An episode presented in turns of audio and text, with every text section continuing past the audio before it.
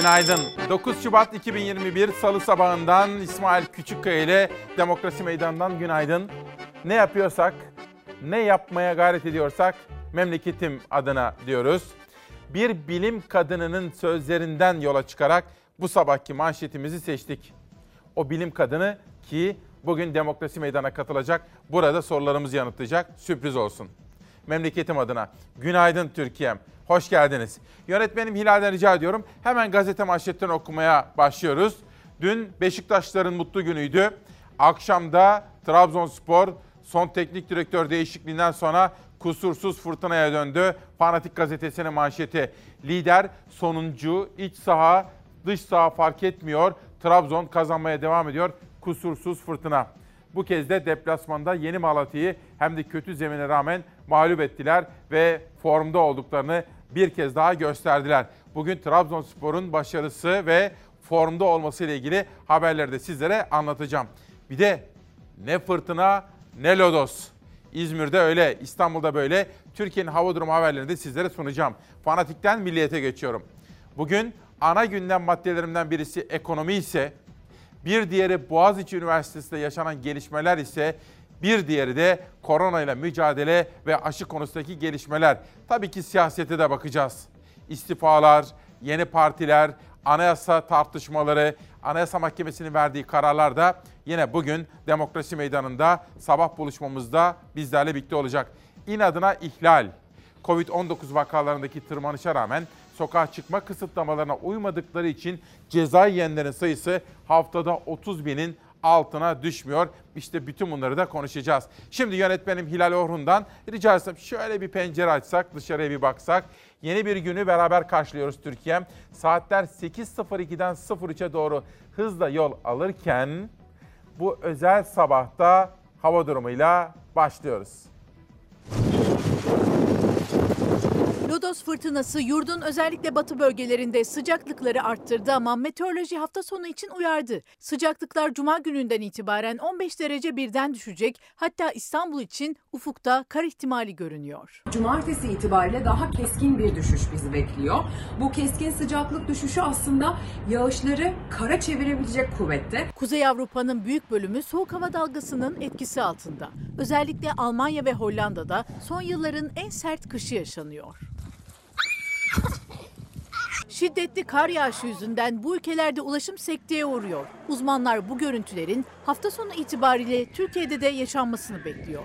Çarşamba, Perşembe, Cuma günlerinde birer ikişer birer ikişer batıda sıcaklık düşüşleri kendini hissettirmeye başlayacak. Çarşamba gününden itibaren hava sıcaklıkları düşecek. Cuma günü çok daha keskin bir soğuma bekleniyor. Trakya, Marmara ve Ege bölgelerinden başlayarak yaşanacak sıcaklık düşüşü yağışları karla karışık yağmur ve kara çevirecek.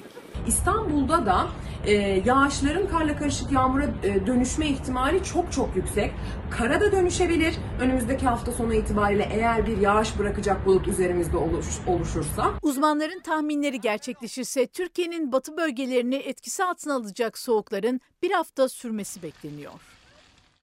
Biraz sonra herkes uyandıktan sonra hava durumuna ilişkin çok daha detaylı haberleri sizlere anlatmaya gayret edeceğim. Uyananlara şöyle bir bakalım. Almanya'dan Sevda Şimşek uyanmış gurbetçilerimize günaydın diyelim. Ayşe Küçük, Nabi Bey, Metehan Koçak ve Arzu Hanım da uyanmışlar ve hakikat yolculuğuna başlıyorlar efendim. Haberleri, gazeteleri beraber okumaya devam edelim. Milliyetten sonra hürriyete geçelim. Girit modeline konuşalım.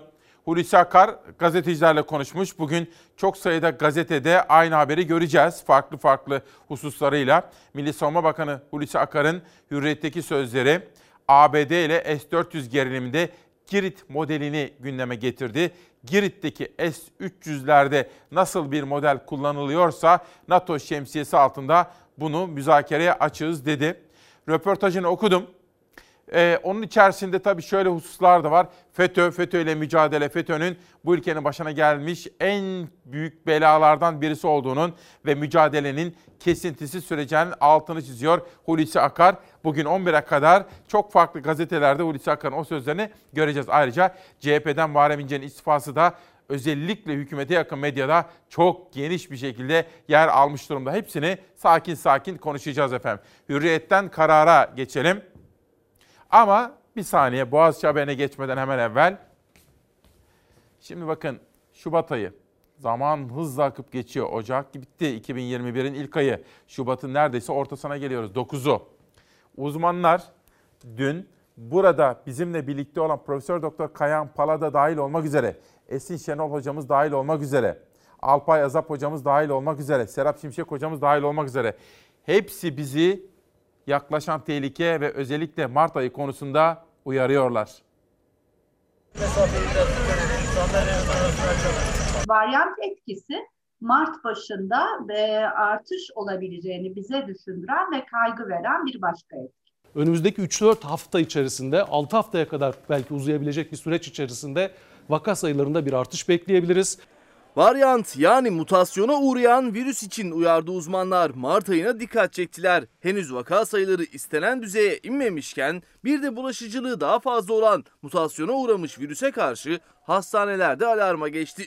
Varyant virüsün gençler ve çocuklarda da görüldüğüne dikkat çeken Türk Tabipleri Birliği'ne göre okullar Mart ayında açılırsa salgın daha da büyüyecek. Öte yandan 8 Şubat'a ait koronavirüs tablosuna göre dün 8103 yeni vaka tespit edildi. Varyant dalgayı büyüten bir etki gösteriyor. Dolayısıyla gerçekten kar topu etkisi dediğimiz büyük bir hızlanma ile karşımıza çıkıyor varyant. Mutasyona uğramış virüsün Türkiye'de de görüldüğünü Sağlık Bakanlığı açıklamıştı. Sayı bilinmese de Kahramanmaraş'ın Pazarcık ilçesinde Karahöyük mahallesi İngiltere varyantı yüzünden karantinaya alındı. İngiltere'den İzmir'e tatile gelmişti aile. Babalarının ölümü nedeniyle Pazarcık ilçesine bağlı Karahöyük mahallesine gittiler. Taziye esnasında mutasyonlu virüs mahallede yayıldı. Mahalle şimdi karantinada. Sadece İngiltere varyantı değil, 3 farklı varyantın Türkiye'de görüldüğünü halk sağlığı uzmanı Profesör Doktor Kayıhan Pala, İsmail Küçükkaya ile Çalar Saat'te anlattı. Benim en fazla endişelendiğim varyant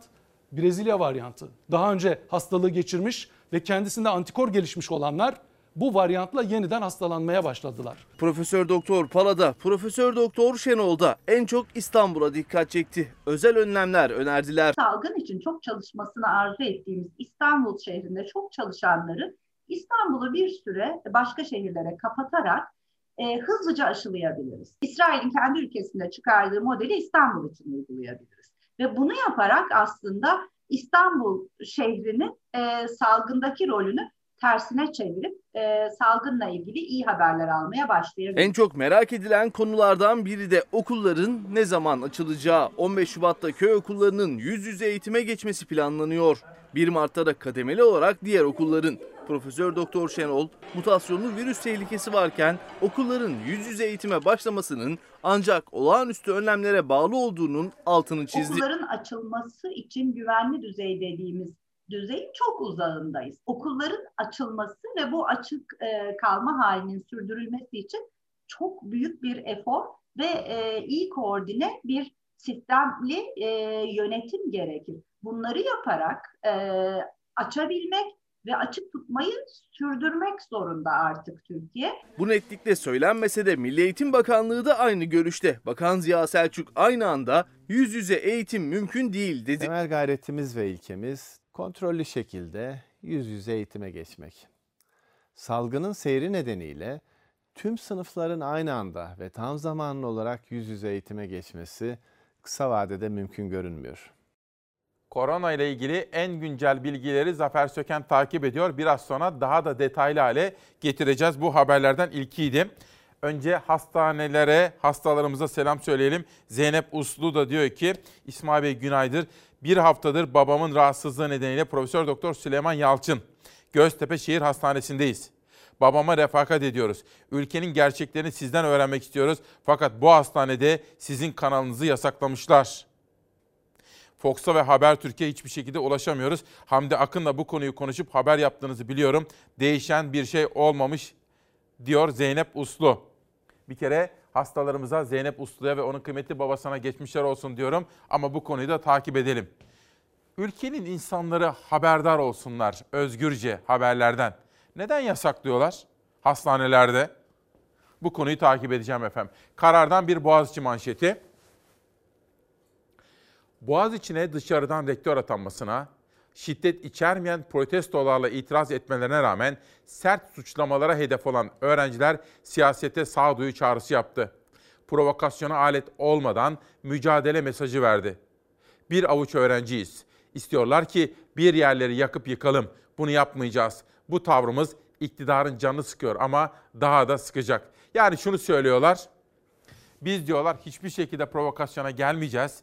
Şiddet eylemi yapmayacağız ama anayasamız tarafından bize sağlanmış olan haklarımızı da kullanmaktan imtina etmeyeceğiz. Barışçıl gösteri hakkı bizim anayasal hakkımızdır. Hiçbir şekilde provokasyona katılmadan, karışmadan, izin vermeden anayasal haklarımızı kullanacağız diyor. Çok akıllı mesajlar vermişler. Bugün Karar Gazetesi'de Boğaz içinden öğrenciler. Bir sonraki manşeti merak ediyorum. Bakalım. Pencere ibretlik tutuklama. Mimar Sinan Güzel Sanatlar Üniversitesi öğrencisi Beyza Buldağ ihtimal üzerine tutuklandı diyor Pencere gazetesi. Üstelik bu, bu ifade tutuklama gerekçesine de açık açık yazıldı. İzmir'de gözaltına alındıktan sonra İstanbul'a götürülen ve hızla tutuklanıp cezaevine gönderilen Mimar Sinan Üniversitesi öğrencisi Bulda, Boğaziçi Dayanışma adlı hesabın sahibi olmakla suçlandı. Ancak hakim gerekçesine hem bunun bir ihtimal olduğunu yazdı hem de tutuklama kararı verdi. Buldağ'ın avukatı Özgür Urfa, Cumhurbaşkanlığı mektup nedeniyle müvekkilinin hakaretle de suçlandığını hatırlattı. Bulda ifadesinde hesabı kullanmadığını, yayınlanan mektubun da kendisine ait olmadığını söyledi. Ama elde aksi delil olmamasına rağmen tutuklanmaktan kurtulamadı diyor efendim. Bu arada tabii iktidar cenahından yeni anayasa yapalım. Çağrıları yükseldi. Hatta Cumhurbaşkanı bunu söyleyince Adalet Bakanı da tekrar edince pek çok AK Partili üst düzey yetkili anayasayı değiştirelim demeye başladılar. Hatırlayacaksınız Cumhur İttifakı'nın ortağı MHP'nin lideri Sayın Devlet Bahçeli de bu çağrıya destek verdiğini geçtiğimiz hafta içerisinde belirtmişti. Muhalefet cephesine diyor, muhalefet de diyor ki ya bırakın yeni anayasayı öncelikle siz mevcut anayasayı uygulayın diyor. İşte Türkiye'nin yeni tartışması anayasa. Yeni anayasa diyerek tamamıyla taktik bir gündem değiştirme çabası. Mevcut anayasaya uymuyorsun. Anayasada yazanlar seni bağlamıyor. O zaman anayasayı değiştirmekle niye uğraşıyorsun? Cumhurbaşkanı ortaya attığı yeni anayasa gerçekçi değil. Geminin reisi var ama dümende küçük ortak var gibi görünüyor. Anayasa değişikliğinden önce zihniyet değişikliğine ihtiyaç var. Önce siz anayasaya ve kanunlara uyacağınızı bugünkü tavrınızla ortaya koyacaksınız ki yapacağınız anayasa değişikliğinin bir faydası olsun. Erdoğan'ın yeni bir anayasa yapma zamanı geldi çıkışından sonra ittifak ortağı Bahçeli'yi ziyaret etmesi Millet İttifakı ve muhalefet cephesindeki temas trafiğini de hareketlendirdi. Erdoğan sivil ve özgürlükçü bir yeni anayasadan söz ederken tartışmanın odağına sistem değişikliğini oturtan muhalefet ise Cumhur İttifakı'na güvenmiyor. Sayın e, Bahçeli ile belli aralıklarla görüşmelerimiz oluyor. Türkiye'nin yepyeni bir anayasaya ihtiyacının olduğu bir dönemde gündeme taşıdığımız bir konuydu. Ben dillendirilen anayasa değişikliği taleplerinin demokrasiyi güçlendirmek yerine otoriterliği güçlendirme yönünde olacağından endişe ediyorum. Hükümet sistemi tartışması bizatihi zaten anayasa tartışması demektir. Niyet okumayı bir kenara bırakarak herkesin bu işin bir olabilirliğini denemesi gerekir. Cumhur İttifakı Cumhurbaşkanlığı hükümet sisteminden Millet İttifakı ve geniş yelpazede muhalefet de güçlendirilmiş parlamenter sistem talebinden geri adım atma niyetinde değil. Daha en baştan sistem tartışması tartışması üzerinden çekilen kırmızı çizgilerle tarafların yeni bir anayasa masası etrafında buluşmaları zor görünüyor. Yeni bir anayasayla Türkiye demokratik standartlarını daha ileriye taşımalıdır. Buna ihtiyacımız var. İhtiyacımız güçlendirilmiş parlamenter sistemdir. Süreci sabote etmek yerine olumlu katkıda bulunmak isteyen herkesi yeni anayasa çalışmalarının içinde görmek istiyoruz. Yepyeni bir anayasa çalışması değil. Anayasanın sistem değişikliğiyle ilgili maddeleri üzerinde bir değişiklik çalışması. Mecliste anayasayı değiştirecek çoğunluğu olmayan iktidarın muhalefete gelin bakalım birlikte bu işi yapalım demesi icap eder. Kendi tek başına bir değişiklik teklifini meclise getirse geçmez. Tarafların meclis çoğunluğu da anayasa değişikliği yapmalarına izin vermiyor ama siyasetin en sıcak gündem başlıklarından biri yeni anayasa tartışması. Siyasetteki gelişmeleri de yine bugün 11'e kadar ki bu buluşmamız içerisinde konuşacağız.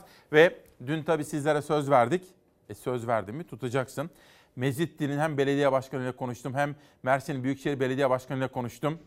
Onlara dedim ki bu çağda ağaç keserek sanayi tesisi falan kurulmaz.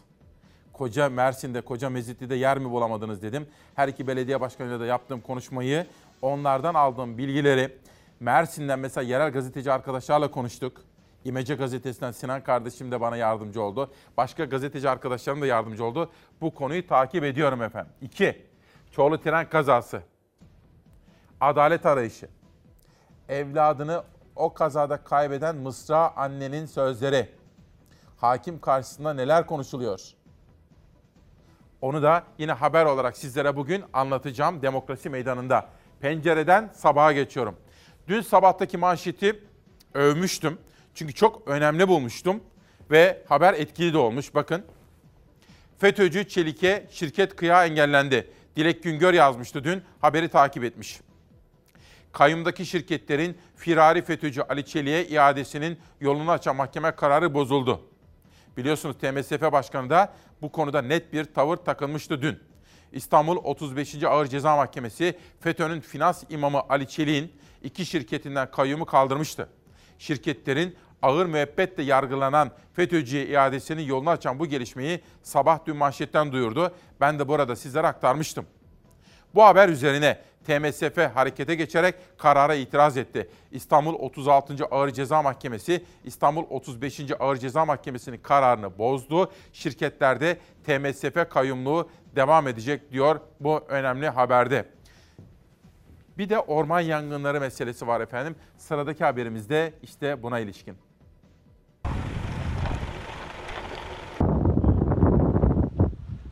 Orman yangını bir köye sıçradı, köy tedbir amaçlı boşaltıldı. Kuvvetli rüzgarın da etkisiyle iki farklı noktada çıkan yangınlar kontrol altına alınamadı. Kastamonu'nun Abana ilçesi Çayırcık köyünden akşam saatlerinde yükseldi alevler.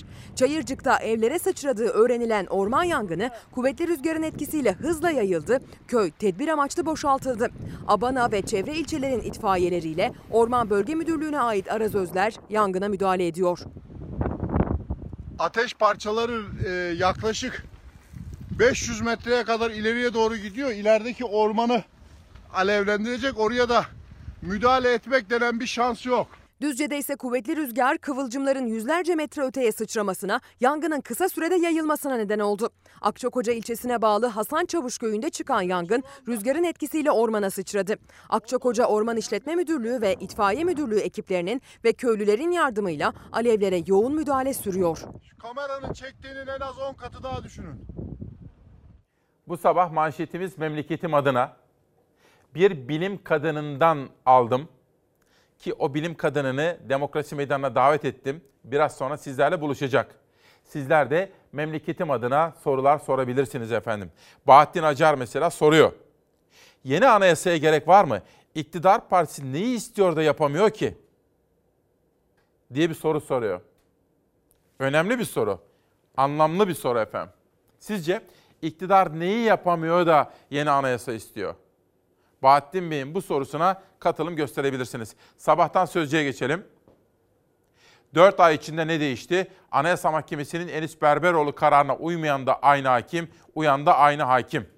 Anayasa Mahkemesi milletvekili düşürülen CHP'li Enis Berberoğlu için 4 ay önce hak ihlali kararı vermişti. Bu karara İstanbul 14. Ağır Ceza uymamıştı. Anayasa Mahkemesi ikinci kez hak ihlali kararı verince aynı mahkeme bu kez karara uydu diyor efendim. Bir de dün bir istifa yaşandı Muharrem İnce. Şimdi Muharrem İnce daha evvel Cumhurbaşkanı adayı olduğu zaman onun haberlerini, demeçlerini, mitinglerini yayınlamıyordu televizyonların pek çoğu. Özellikle hükümeti destekleyen medyada Muharrem İnce'nin Cumhurbaşkanı adayı olduğu zaman hiçbir demecini neredeyse ekrana getirmemeye çalışıyorlardı. Canlı canlı yayınlarda vermiyorlardı. Fakat dün baktık, inanın sayamadım. Hatta Rütük üyelerinden bir tanesi bir fotoğraf paylaşmış. Galiba İlhan Taşçı. İşte bakın diyor, Türkiye'nin durumuna bakın diyordu. Muharrem İnce'nin dün çok konuşulan istifası. Atatürk'ün kurduğu Cumhuriyet Halk Partisi kendi değerlerinden, köklerinden, ilkelerinden uzaklaşmıştır. Atatürk'ün emaneti kalmamıştır. Ortada bir tabela vardır sadece. Memleket Hareketi adıyla başlattığı süreç partileşmeyle devam edecek İnce'nin. Yeni kurdukları partinin adını ve logosunu da birkaç gün içerisinde açıklayacağını söyledi İnce. Ama yollarımı ayırıyorum derken hedefinde CHP yönetimiyle birlikte Erdoğan da vardı. Erdoğan'a soruyorum. 130 milyar dolar dövizi ne yaptın? Kime sattın? Bunu neden açıklamıyorsun diyorum. İşte bu gerekçelerle istifa etmelisin diyorum. 3Y ile mücadele edeceğim dedi. 4Y oldu bir de yüzsüzlük eklendi buna. İktidarın muhalefetten, muhalefetin de iktidardan memnun olduğunu iddia eden İnce, kendisini her iki taraftan da memnun olmayanların üçüncü yol alternatifi olarak adres gösterdi. İttifakla değil, tek başıma %50 artı 1'e talibim dedi. En ağır eleştirileri CHP yönetimine yöneltti. AKP iktidarında Atatürk diyemeyen CHP'li yöneticilerin de olması içimizi kan ağlatmaktadır. Atatürk'ün emanetini işgalden kurtarmak için terk ediyorum. Geçmişteki hiçbir aktör bugünkü CHP kadar kötü bir görüntü de sergilemedi. İşte parçalanmaya başladılar.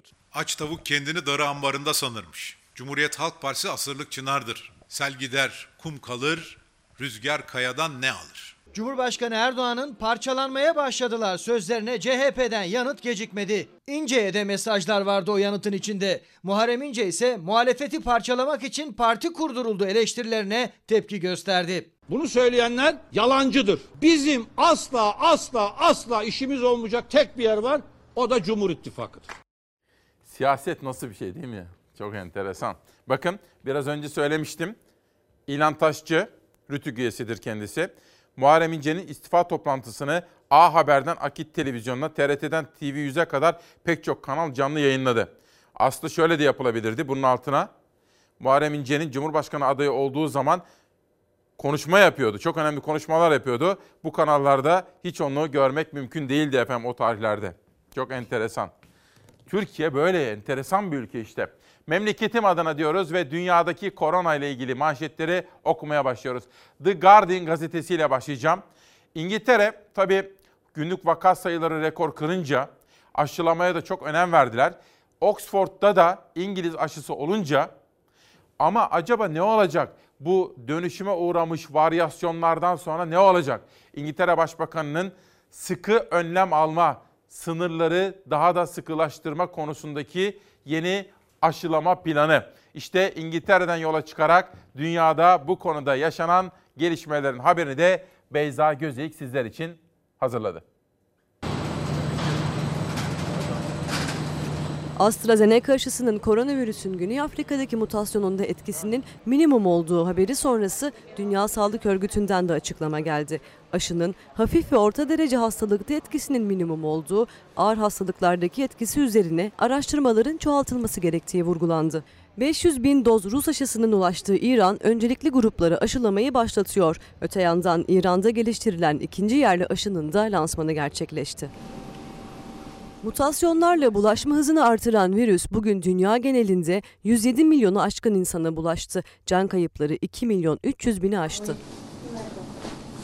Bazı Avrupa ve İskandinav ülkeleri aşı pasaportu üzerinde tartışıyor. Aşı pasaportu kısıtlamalar olsa da aşılanmış olan kişilere ayrıcalık tanınmasını içeriyor. Ancak Almanya'dan aşı pasaportu uygulamasına tepki geldi. Aşılanan kişilerin virüsü taşıyıp taşımadığına dair bir kanıt olmadığı öne sürüldü. Aşı pasaportunun konuşulması için henüz erken olduğu belirtildi. Çin'de yeni mutasyonlar yüzünden bu uygulamayı rafa kaldırdığını açıkladı. Güney Afrika'ya gönderilen 1 milyon AstraZeneca Oxford aşısı öncelikli gruplara uygulanacaktı ancak program iptal edildi. 2000 gönüllü üzerinde denenen aşının hafif ve orta derece seyreden vakalarda etkisinin minimum olduğu açıklandı. Dünya Sağlık Örgütü daha fazla çalışma yapılması gerektiğini vurgulayarak özellikle ağır hastalıklardaki etkisi daha detaylı araştırılmalı dedi. AstraZeneca aşısının üretiminin azaldığı Avrupa Birliği ülkeleri Pfizer-BioNTech aşısını da pahalı buluyor. Rus aşısı Sputnik'in acil kullanım onayı için Avrupa İlaç Ajansı'na baskılar artarken İran'a 500 bin doz Sputnik aşısı ulaştı. Öncelikli gruplara uygulanacak aşı programı bugün başlıyor. Öte yandan İran koronavirüse karşı geliştirdiği ikinci yerli aşısını da duyurdu. Razikov Pars isimli aşı bu hafta 13 gönüllü üzerinde denenecek. Şimdi çok ilginç bir şey var. Aynur Aytaç bana bir video yollamış. her sabah bizi izleyen birisidir. Sizin arşivinizde de vardır diyor ama telefonunu şöyle kapatayım. Şimdi bakın bizim Fatih Portakal da bizim neydi? O zaman daha bakın. Ama Tülay'ın önemli bir sorusu vardı. Ona cevap vermediniz siz. 24'ünde eğer bu seçim, e, seçimden mağlup çıkacak Evet. olursanız. Ee, Sayın Kılıçdaroğlu'na haksızlık yapamam. Ee, ola ki kazanamaz. Ee, Sayın Genel Başkan e, gel bana danışman ol derse danışman olurum. Yardımcı ol derse yardımcı olurum. Asla karşısına aday olmam. Asla karşısına aday olmam. Asla. Asla. Birden çıkmazsınız. Hayır karşısına aday olmam. Ee, çünkü karşısına aday olduğu bir kişiyi genel e, cumhurbaşkanı adayı yapmışsa e, ben vefalı bir insanımdır. E, yanlışlarını söylerim ama. Yani şunlar şunlar şunlar yanlış derim. E, ama e, kendisiyle böyle bir yarışa bir daha asla girmem. Peki siz belki çıkmazsınız da bir başkasını çıkacak olursa onu destekler misiniz? Hayır. Yani şimdi ben yarın kendimi değil, kendimden başka birisini de destekleyebilirim. Benden daha iyi bir cumhurbaşkanı adayı buluruz. Onu desteklerim. O başka bir şey. Ama e, karşı karşıya gelmem kendisiyle. Çok enteresan. Şimdi bana bunu bakın bir dakika önce bir izleyenim Aynur Aytaç yolladı. Ya tabii öyle. Şimdi şaşırıyorsunuz değil mi? İşte siyaset, siyaset, sözler, yerine getirilip getirilmemesi, ilkeler, dava, mücadele. Yani bunlar tabii üzerinde durulması, düşünmesi gereken hususlar ama izleyenlerim tabii böyle sorular soruyorlar. Sözcüden bir detay daha var mıydı? Şimdi Atatürk'e perde bakalım neymiş. Ali Ekber Ertürk imzalı bir haber. Tekirdağ Aile ve Sosyal Hizmetler İl Müdürü Ülkü Uslu makamındaki Atatürk resminin üstüne stor perde koydu. Perdeyi görenler müdür hanım bazı durumlarda perdeyi mi kapatıyor diyerek tepki gösterdi. Müdür Uslu ise tamamen pratik bir çözüm buldum. Hiçbir art niyetim yoktur olamaz da Atatürk'ün üzerine neden perde çekeyim ki dedi. Peki bu hakikaten bunu niye yapmış ki ya? Bunun ne mantığı olabilir? Çok ilginç. Ya belki bir açıklaması da olabilir. Burada açıklaması var ama yani haberde bir tuhaflık var. Yani bu perdeyi niye yapılır, nasıl kullanılır anlamak mümkün değil. Bilemiyorum. Geçelim. Ama enteresan bir haber Sözcü'de. Türk'ün mutant virüse aşı ve maskeye kalkanı mutasyonlu virüsün bulaşma hızı artarken doğru kullanılması durumunda mevcut maskelerin koruma için yeterli olduğu belirtildi. Aşılamada sayı 2,5 milyonu geçti. İlk aşıyı yaptıranlar için ikinci doz aşı da bu hafta geliyor dedi efendim. İşte Türk gününde manşeti böyleydi. Şöyle bir dışarıya bakalım. Hilal Orhun'dan rica etsem. Günaydın Türkiye'm. 9 Şubat 2021 İsmail Küçükkaya Demokrasi Meydanı'nda memleketim adına dediğimiz bu özel sabahta gece boyu İzmir'de, İstanbul'da fırtınayı duydunuz mu? Duyduk.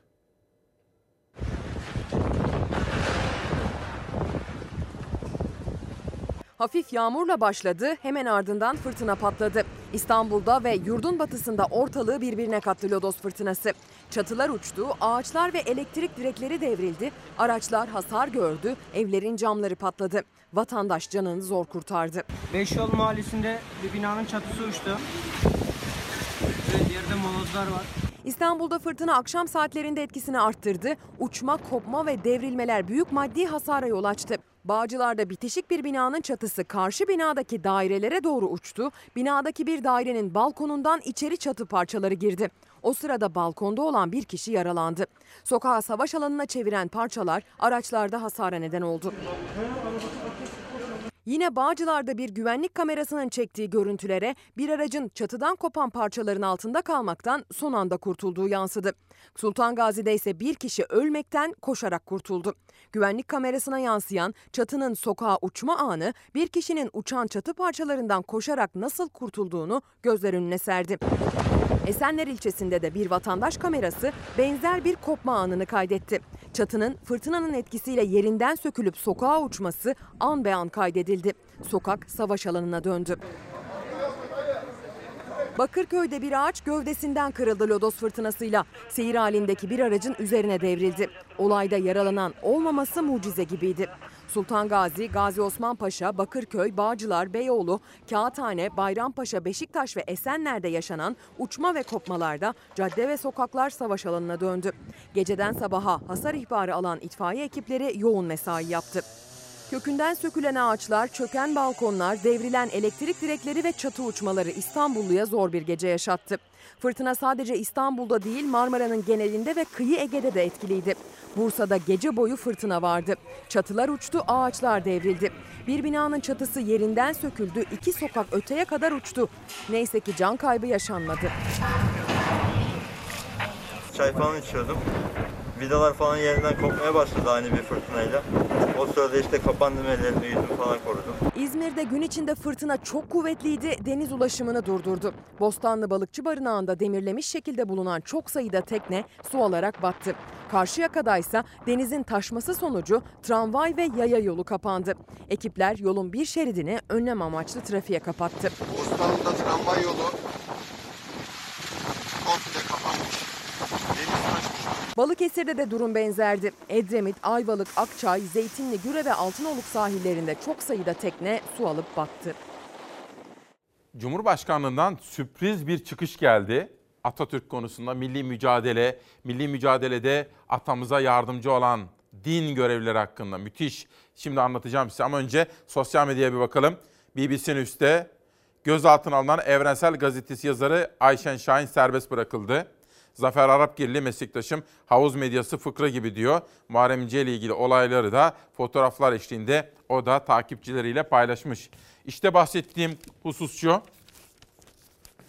Cumhurbaşkanlığı danışmanından İskilipli Atıf'ı ananlara anlamlı mesaj. Cumhurbaşkanlığı danışmanı Korkmaz Karaca, milli mücadele döneminde İngilizlerin desteğiyle Kuvayi Milliye'ye düşmanlık yapan Teali İslam Cemiyeti'nin yöneticisi İskilifli Atıf'ın anılması tartışmalarına sosyal medyadan bir mesaj atarak katıldı. Korkmaz Karaca kendi kişisel hesabından attığı tweetle şunları yazdı. Mehmet Rıfat Börekçi, Ankara müftüsü sıfatıyla Türk Kurtuluş Savaşı'na, Kuvayi Milliye'ye ve Mustafa Kemal Paşa'ya önemli desteklerde bulunan Türkiye Cumhuriyeti'nin ilk Diyanet İşleri Başkanı'dır. Ruhu şad olsun, minnet, şükran ve fatihalarla anıyorum dedi efendim. İşte bakın bu da günün çok konuşulan paylaşımlarından biriydi. En son Türk Gün Gazetesi'de kalmıştım. Cumhuriyet'e geçiyorum. Mafyada yanında ülkeye aşağı bak diyenlere Çakıcı'dan destek geldi. Bulu için mektup yayımladı.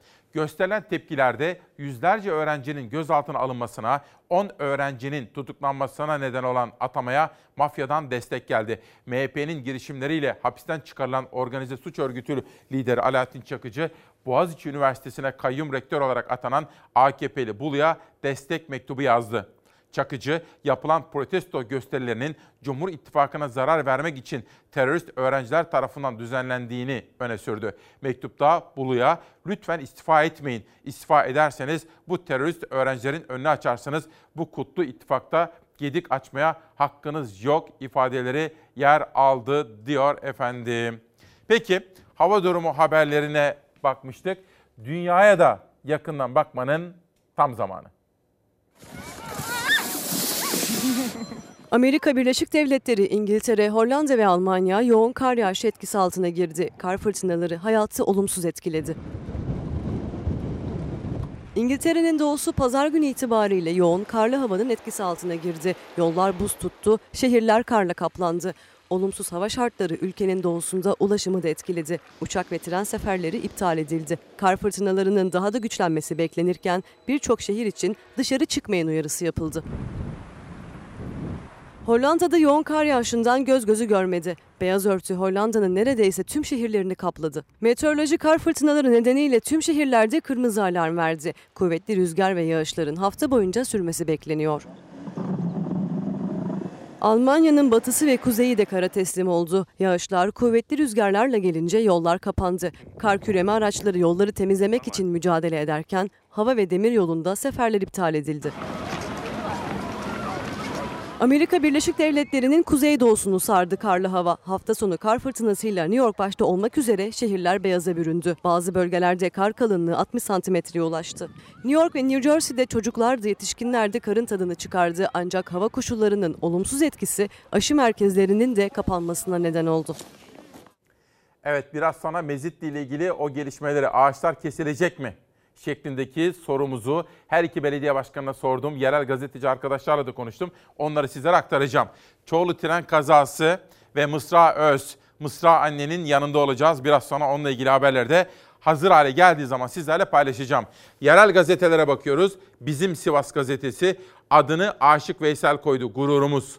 Harvard Üniversitesi'nin Sivaslı bilim insanı Canan Dağdeviren geliştirdiği beyin iğnesi projesine Aşık Veysel adını verdi. Erhan Ceylan'ın çok güzel bir haberi. Sür manşete şöyle bir bakalım. Erhan Ceylan'ın yine bir haberi iyi sorun dinleyecek diyor. İyi Parti Sivas'ta sorun dinlemeye geliyor. Genel Başkan Yardımcısı ve milletvekillerinden oluşan heyet rapor tutacak. Esnafı da halkı da dinleyecek Meral Akşener'in talimatıyla. Bu arada Aytun Çıray da Meral Akşener'le konuştu. Meral Akşener'in davetiyle partide Akşener'in danışmanlık görevini kabul etti efendim. Mersin'e geçelim Sivas'tan. İşte takipçisi olacağımı söylediğim bu konu. Mezitli'de yok edilecek tarım alanları meclise de taşındı. Bugün İmece gazetesinde de aynı olay manşette. Acele kamulaştırma kararının gerekçelerini. Şunu söyleyeyim.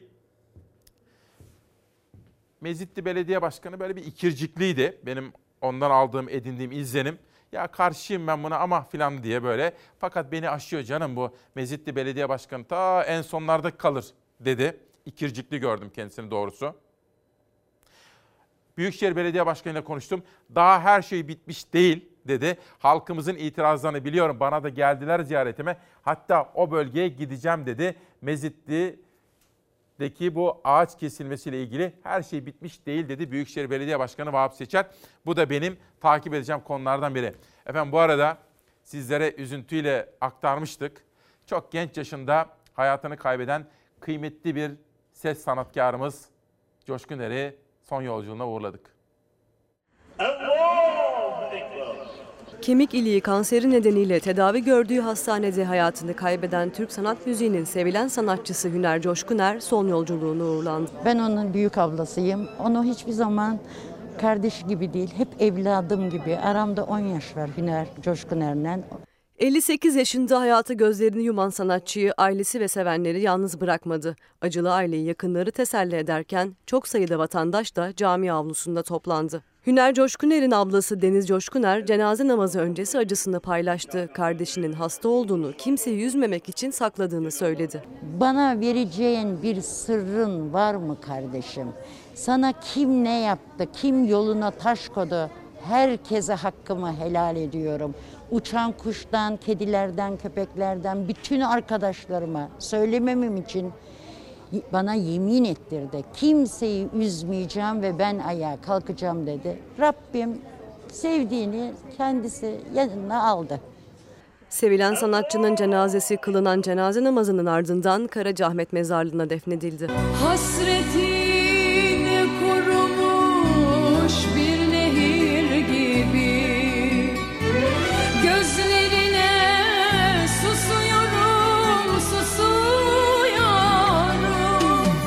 Hüner Coşkuner'in 2020 yılının Nisan ayında kemik iliği kanseri olduğu anlaşıldı. Tedavi gördüğü hastaneden yapılan açıklamaya göre Coşkuner tedaviye cevap vermedi. Hastalığın hızlı ilerlemesiyle yoğun bakıma kaldırılan sanatçı hayatını kaybetti. Her şeyimi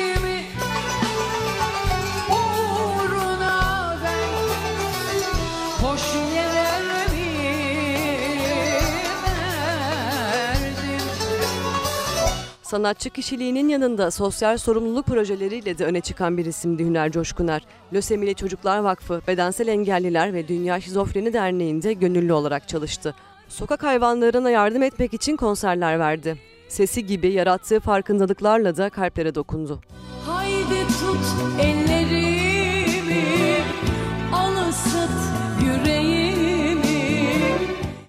Kendisi, sesi, yorumu ve kişiliği de güzel bir insandı. Ruhu şad olsun efendim. Bu arada Cengiz Göllü, Ohrili Cengiz Göllü'yü de kaybettik. Bizim Murat arkadaşımızın Murat Göllü'nün kıymetli babasıdır. Bugün öğlen Ankara'da son yolculuğuna uğurlanacak Ohrili Cercis diye biliniyor. Murat Göllü'ye ve bütün ailesine de sabır dileklerinde bulunuyorum. Dün akşam itibariyle bu kitabı okumaya başladım. Ben de Z kuşağı nedir doğrusu hani az çok biliyorduk ama bilgilerimi tamamlamak istiyordum. Zafer Küçük Şabanoğlu'nun bu Z'nin siyaseti, Z kuşağı konusunda bu kitabı bitirdikten sonra sizlere özetler yapacağım. Efendim konuğum gelecek. Konuğumun ne durumda olduğunu bir kontrol edeceğim. Editörüm ve danışmanımla konuşacağım ve pek çok başka haber için huzurlarınıza döneceğim. Günaydın, hoş geldiniz. Yeni bir gün, yeni bir sabah. Demokrasi Meydanı. Bizimkisi hakikat arayışı, öyle değil mi? Memleketim adına. Bugünkü manşetimizi bir bilim kadınından aldım. Biraz sonra sizlerle buluşacak. Günaydın. İsmail Küçükkaya Demokrasi Meydanı ikinci tur gazetelerle başlıyor. Memleketim adına dediğimiz bu sabahta ilk tura fanatikle başlamıştım. Bu kez foto maçla devam ediyorum. Fırtına koptu gidiyor. Trabzonspor Yeni Malatya'yı geçti. Hem de üst üste 5'te 5 yaptı. Zirveye bir adım daha yaklaştı. Trabzonlular mutlu oldular takımlarının yeniden böyle forma girmesinden sonra efendim. Bugün Hıncal Uluş da köşe yazısında Abdullah Kağılı'yı eleştiriyor. Özellikle Ali Koç yönetimi gibi kavramlar, Aziz Yıldırım'la ilgili açıklamalar, Futbol Federasyonu'na yaklaşımlar konusunda Kığılı'ya çok sert bir yazı yazmış Hıncal Uluç ve vefa nedir diye bir soru soruyor, sorduruyor Hıncal Uluç bugünkü yazısında. Milli Gazete'ye geçiyorum. Soğanı koyunlar, patatesi inekler yiyor. Ne üretimimiz yeterli ne de üretim stratejimiz.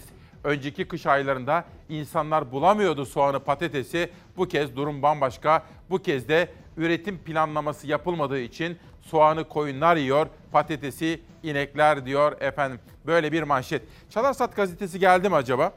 Peki yönetmenim Hilal Orhun'dan rica ediyorum. Çalarsat gazetesinde bugün milli eğitim var. Çocuklarımızın uzaktan eğitim konusunda yaşadığı sıkıntılar, özellikle tablet yok, internet yok diyen çocuklarımızın sesi var ana manşetimizde ki ilerleyen bölümlerde Milli Eğitim Bakanı'nın bu konuda yaptığı açıklamaları da sizlerle paylaşacağım. Ama gazetede bir haberi daha sizlerle mutlaka paylaşmak istiyoruz. Adalet arayışındaki bir anne. 9 yaşındaki oğlunu Çorlu'daki tren kazasında kaybeden acılı anne kamu görevlisine hakaret gerekçesiyle bugün hakim karşısına çıkacak. Ve bugün herkesin şunu düşünmesi gerekiyor. Nasıl bir adalet anlayışı ki 9 yaşındaki bir evladını tren kazasında kaybettikten sonra bir daha başka çocuklar ölmesin diye, bir daha başka anne ve babalar ağlamasın, evlat acısı çekmesin diye adalet ve hakikat arayan bir anneyi hangi adalet sistemi hakim karşısına bu şekilde çıkarır? Ben oğlumu 9 yaşında toprağa koydum. İlk günkü kadar acısı kalbimde, içimde ve canımı yakıyor. Diğer ailelerle de aynı şekildeyiz. Ama e, savcının karşısına gidip derdimizi anlattığımız zaman ya da e, birileri bizi muhatap alsın diye söz söylediğimiz zaman e, görmezden geliyorlar ve duymazdan geliyorlar. İşte benim verdiğim tepki buydu. Üç maymun oynuyorlar, bizi duymak istemiyorlar şeklinde. Yine sonuçsuz ayrıldığı bir duruşmada söylediği bu sözler nedeniyle hakkında dava açıldı. Çorlu tren faciasında hayatını kaybedenlerin yakınları sorumluların ceza almasını beklerken kendilerine ve hatta olayı araştıran gazetecilere açılan davalarla mücadele ediyorlar. Oğlu Oğuz Arda Sel'i kaybeden Mısra Öz'ün iki davası var. 9 Şubat'ta hakim karşısında olacak. Ben e, mahkeme heyetine hakaret etmedim. Bunu, bunu hakaret olarak asla kabul etmiyorum. Ben mahkeme heyetini eleştirdim. E, Anayasa Mahkemesi önünde açılan davada nitekim baktığımız zaman polise mukavemet ve darp etmekten bahsediyorlar.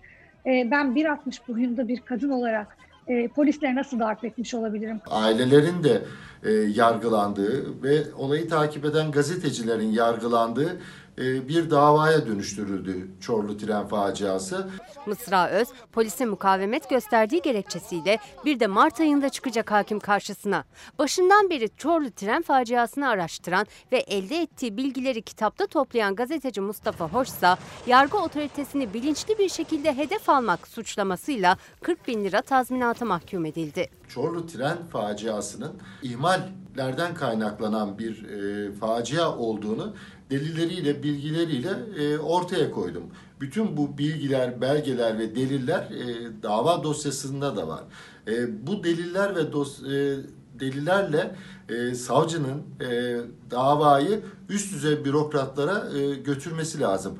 Ama bu yapılmadı. 7'si çocuk 25 kişi hayatını kaybetti. 340 kişi de yaralandı. Devlet demir yollarında görevli 4 kişi yargılanıyor. Ancak aileler tüm sorumluların yargılanmasını istiyor ve tüm karşı davalara rağmen davalarından vazgeçmemekte de kararlılar. Davamdan asla vazgeçmeyeceğim.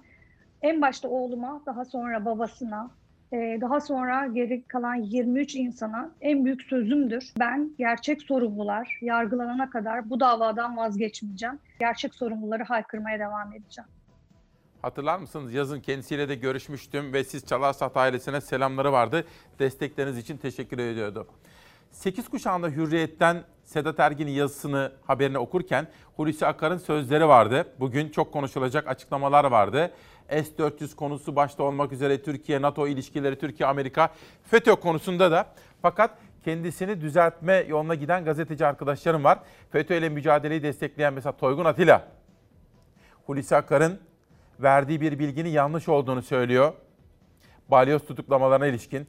Aytunç Erkin'in bugünkü yazısında da yine FETÖ ile mücadele kapsamında düşünmemiz ve sorgulamamız gereken hususlar var. Sözcü'deki yazısında efendim. Ve karardan bir fotoğraf. Bence günün fotoğrafı bu. Bir zamanlar AK Parti'nin içinde çok etkili görevlerde bulunmuş iki isim. Ahmet Davutoğlu ve Ali Babacan. Dün bir ziyarette bir araya geldiler. Hem zihniyette hem sistemde değişiklik şart. Türkiye'nin şu anda yönetildiği sistemi ucube diye tanımladılar. Ve bunun tek adamlık neticesiyle sonuçlandığını söylüyorlar. Tek adamlığa Türkiye'yi götürdüğünü söylüyorlar. Ve mutlaka iyileştirilmiş, güçlendirilmiş parlamenter demokratik sisteme dönüş için işbirliği yapalım diyor. Fotoğrafa bir bakalım arkadaşlar. Fotoğrafı görelim. Heh. Bakın bu fotoğraf bence dünden bugüne ve siyasal döneme yakın siyasi tarihe damgasını vuracak çok önemli fotoğraflardan birisi olarak gösterilebilir efendim. Bir de Boğaziçi Üniversitesi'nde yaşanan gelişmelerin haberi var sırada.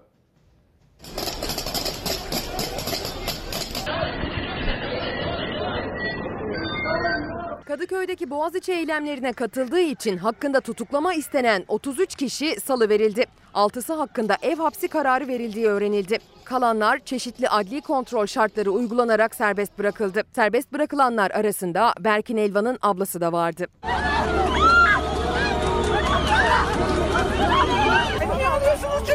Almayın çocukları. Kadıköy'de 4 Şubat günü yapılan eylemlerde toplam 61 kişi gözaltına alınmıştı. Savcılıkta ifadeleri alınan 61 kişiden 33'ü tutuklama talebiyle, 20 kişi ise adli kontrol talebiyle nöbetçi sulh ceza hakimliğine sevk edildi. İfadesi alınan 8 kişi akşam saatlerinde serbest bırakıldı. Kalan 20 kişi adli kontrol şartıyla, 33 kişi ise tutuklama talebiyle mahkemeye sevk edilmişti. 6'sı hakkında mahkeme ev hapsi kararı verdi.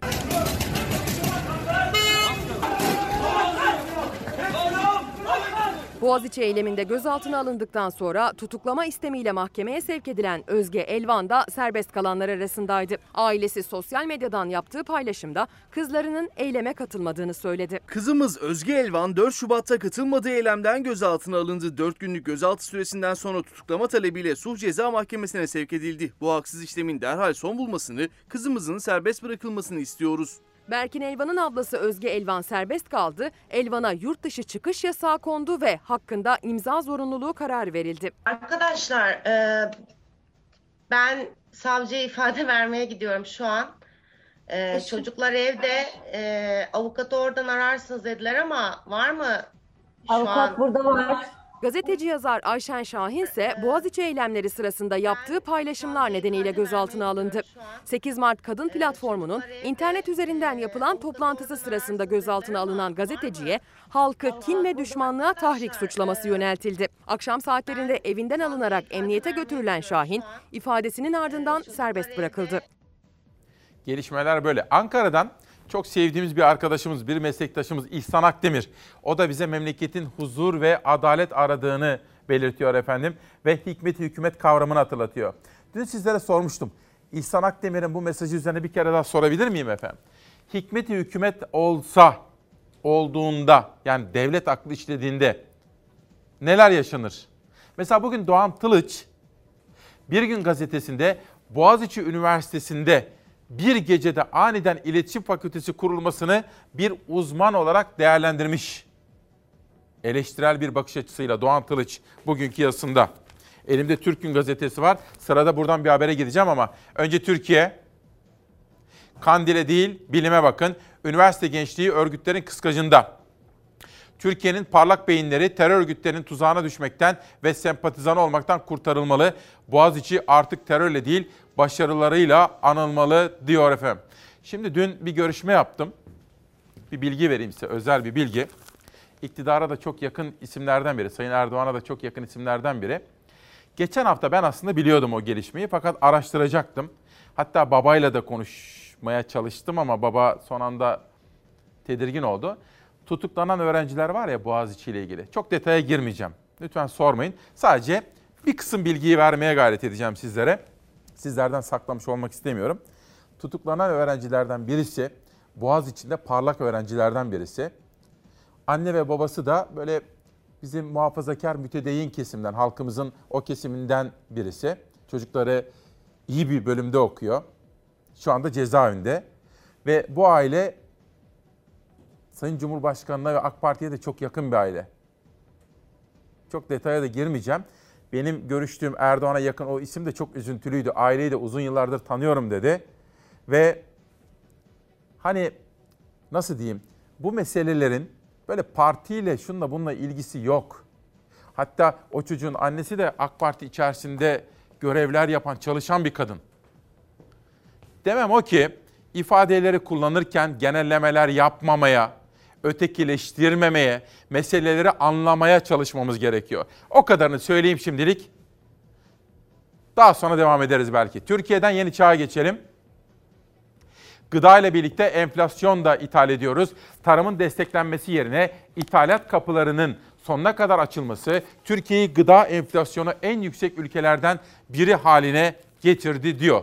İşte ilerleyen dakikalarda esnaf ve çiftçi haberlerini de sizlere aktaracağım.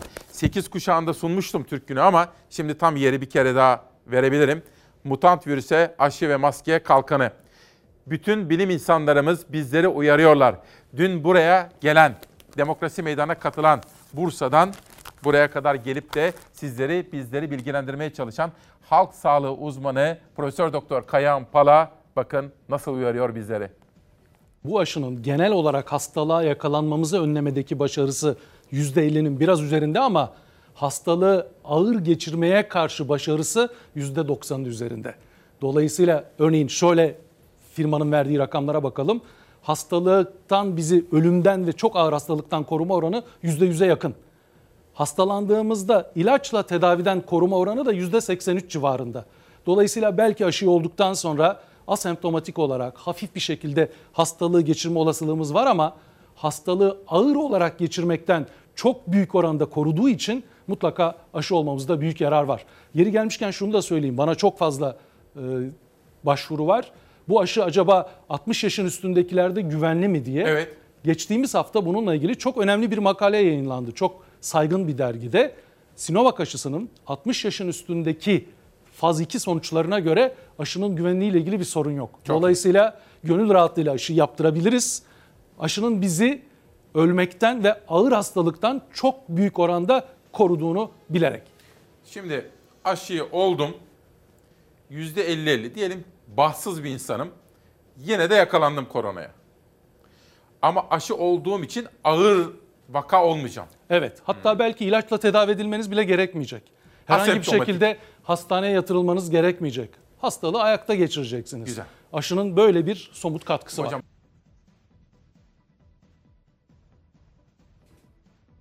Evet, Kayahan Pala'nın yorumları böyleydi efendim. Peki, yerel gazetelere şöyle bir bakalım. Ülkemizin farklı illerine tur atalım. İzmir'den başlıyorum yeni gün. Memur ve emekli ilk aydan ezildi. Son yıllarda asgari ücretteki artış ne kadar zam alamayan memur ve emeklinin ilk 6 ay için aldığı %3'lük zammın yarısından fazlası daha ilk aydan enflasyon karşısında eridi, buhar oldu, gitti diyor efendim. Yeni günden gün ışığına geçelim. Elazığ'dayım. Her ay 30 esnafımız kepenk kapatıyor diyor. Elazığ Bakkal ve Bayiler Odası Başkanı Cebrail Top'la yapılmış bir röportaj Faik Akgün imzası taşıyor. Elazığ'dan Eskişehir'e geçiyorum. Lokantacıları oyalamayın diyor Esra Ünlü'nün haberi. Resmi gazetede yayınlanan ciro kaybı desteğini değerlendiren Eskişehir Lokantacılar Oda Başkanı Bahar Bilen'le yapılmış bir röportaj birinci sayfada yer bulmuş durumda efendim. Günün kulis haberi, daha doğrusu günün diplomasi haberi de dün akşam video konferans aracılığıyla görüşen Cumhurbaşkanı Erdoğan ve Almanya Şansölyesi Merkel arasındaki zirveydi. Cumhurbaşkanı Erdoğan ve Alman Şansölye Merkel video konferans yoluyla görüştü. Türkiye ve Avrupa Birliği ilişkilerini değerlendirdi. Merkel Doğu Akdeniz'de verilen olumlu sinyallerden memnuniyet duyuyoruz derken Erdoğan bir Avrupa Birliği Türkiye zirvesi düzenlenmesini istedi. Koronavirüs salgını ile birlikte liderlerin zirveleri de değişti. Yüz yüze görüşmeler yerini video konferans görüşmelerine bıraktı. Onlardan biri de dün akşam saatlerinde Cumhurbaşkanı Erdoğan'la Almanya Başbakanı Angela Merkel arasında gerçekleşti. İki lider görüşmede Türkiye-Almanya ilişkilerini aldı önce. Pandemi konusunda atılan ve atılacak adımları değerlendirdi. Bölgesel konulara değindi. Erdoğan ve Merkel daha sonra Türkiye-Avrupa Birliği ilişkileri konusunu konuştu. Cumhurbaşkanı Erdoğan Merkel'e Türkiye-Avrupa Birliği ilişkilerini olumlu bir gündemde ilerletmeye kararlıyız dedi. Merkel ise Doğu Akdeniz'de son dönemde verilen olumlu mesajlardan memnun olduklarını iletti. Cumhurbaşkanı Erdoğan 18 Mart mutabakatının güncellenmesi konusunda çalışmalar bir an önce başlasın vurgusu yaptı görüşmede. Adil ve yapıcı yaklaşımın her iki tarafında yararına olduğunu hatırlattı. Ve Portekiz'in dönem başkanlığı bitmeden bir Türkiye-Avrupa Birliği zirvesi düzenlenmesi beklentisini dile getirdi. Sıradaki haber bir esnaf haberi efendim. Dün sizlere duyurmuştum. Esnaf sesini duyurmak için düşünüyor, yaratıcı olmaya çalışıyor. Bu konuda bir haberim var ama sizlerden gelen yorumlar. İsmail Bey, 70 yaşındaki annem size günaydın diyor. Günaydın. Selamını gönderiyor ve soruyor. Aşı ile ilgili haber yok evladım. Hala 65 yaş üstü açılmadı. Aşısız mı kaldık ne dersin diyor. Çok selamlar. Bakın bugün aslında haber gelecekti. Sabah Zafer Söken'e sordum. O gelişmeleri takip ediyor. Abi dedi dün itibariyle normalde aşıların testlerinin bitmiş ve 65 yaş üstünün aşılanmasının başlanmış olması gerekiyordu. Ama bir haber yok dedi. Tam çıkarken bir saniye dedi. Abi dedi belki yayın sırasında bakanlıktan bir açıklama gelirse ben bilgileri güncelleyip sana hemen aktaracağım dedi ama henüz bir haber gelmiş değil. İşte bir de çevre haberi. Marmaris'e bağlı Karaca Mahallesi'nde arıcıların kullandığı 30 hektarlık bir alan mesire yeri olarak ihaleye çıkıyor.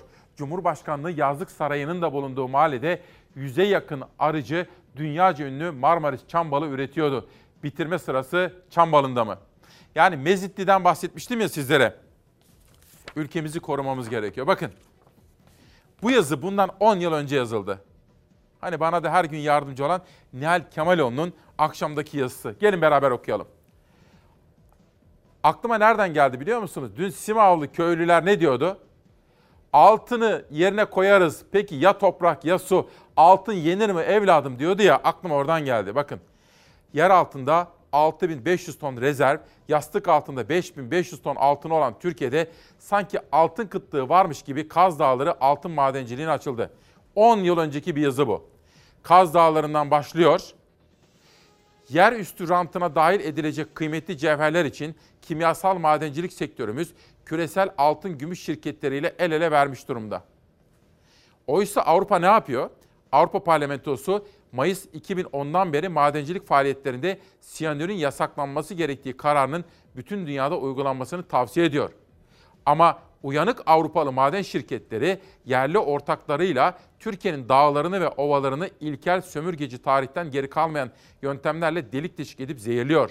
Kaz Dağları, İzmir'in içme suyu alanı olan Efem Çukuru, Gediz Ovası. Şimdi sıra geldi Simav'a mı? Kapadokya'yı kurtardık. Simav'ı da kurtaracak mıyız diye sorusunu soralım efendim. Sıradaki haber esnafın sesi.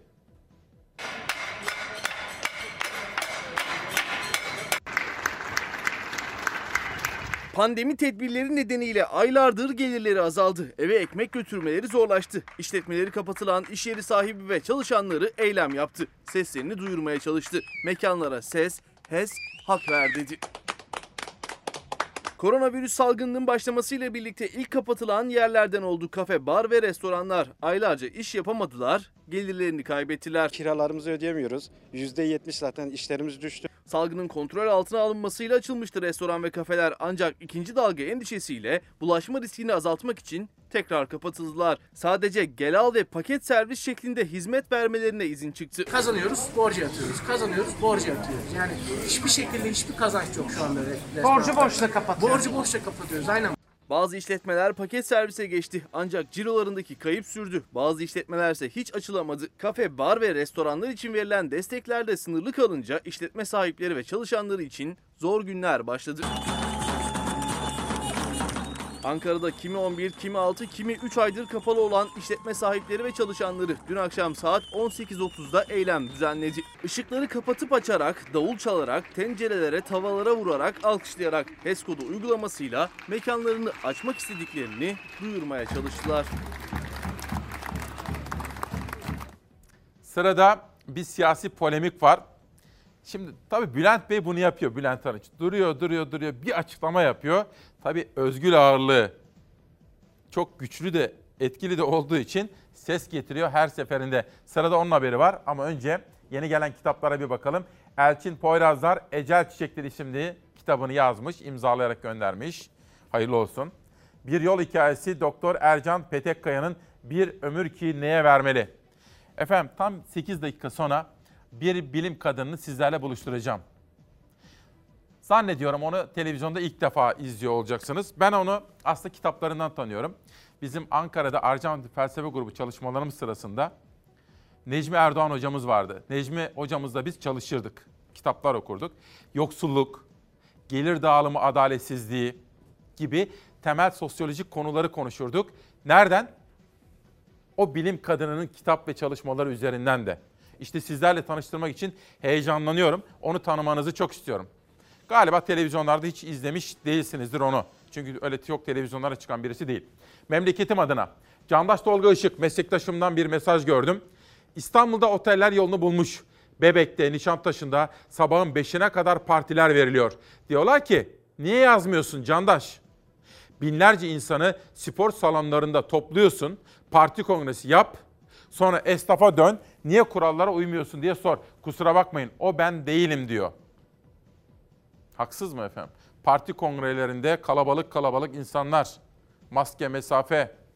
Uğur Dündar, AKP il kongrelerinde salonlar hınca hınç doldurulurken can çekişen esnafın önlemlerle faaliyet gösterebilecekleri iş yerlerini kapalı tutmak niye diye anlamlı bir soru soruyor Uğur Dündar.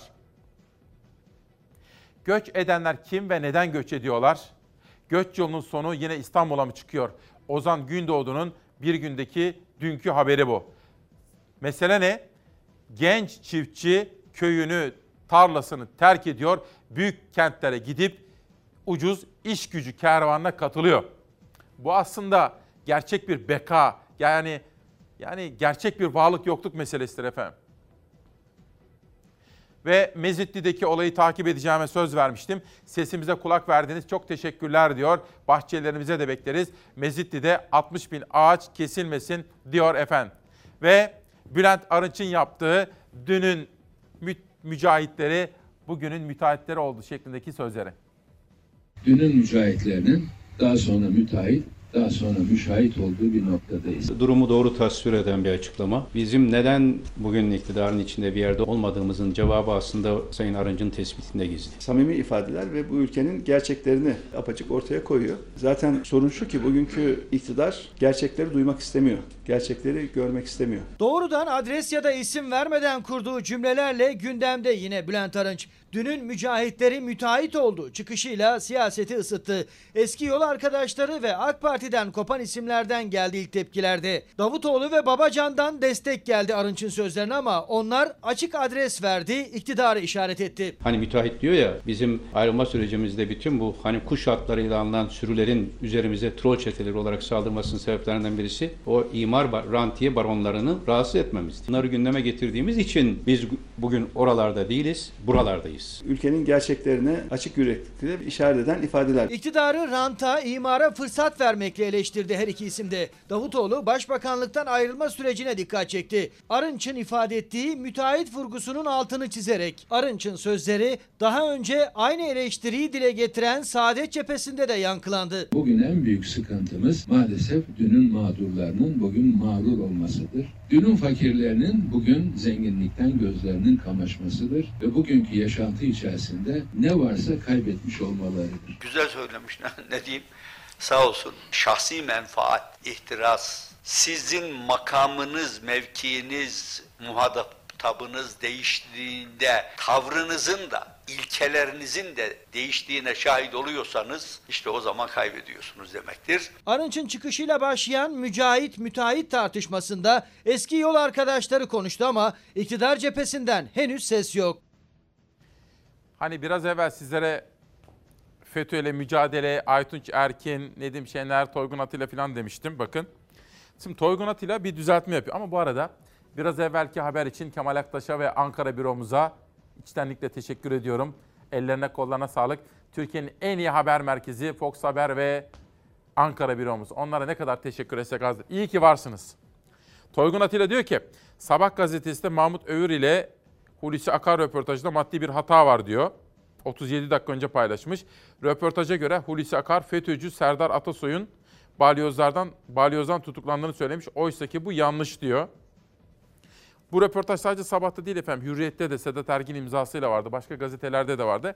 Belli ki bazen hani haber kaynakları bunu yapar. 4-5 gazeteciyi davet eder. Çay kahve içerken veya yemek yerken sohbet eder efendim. Böyle bir bilgilendirme yapmış Hulusi Akar. Hürriyet'te okudum, sabahta okudum. Milliyet'te de vardı yanlış hatırlamıyorsam.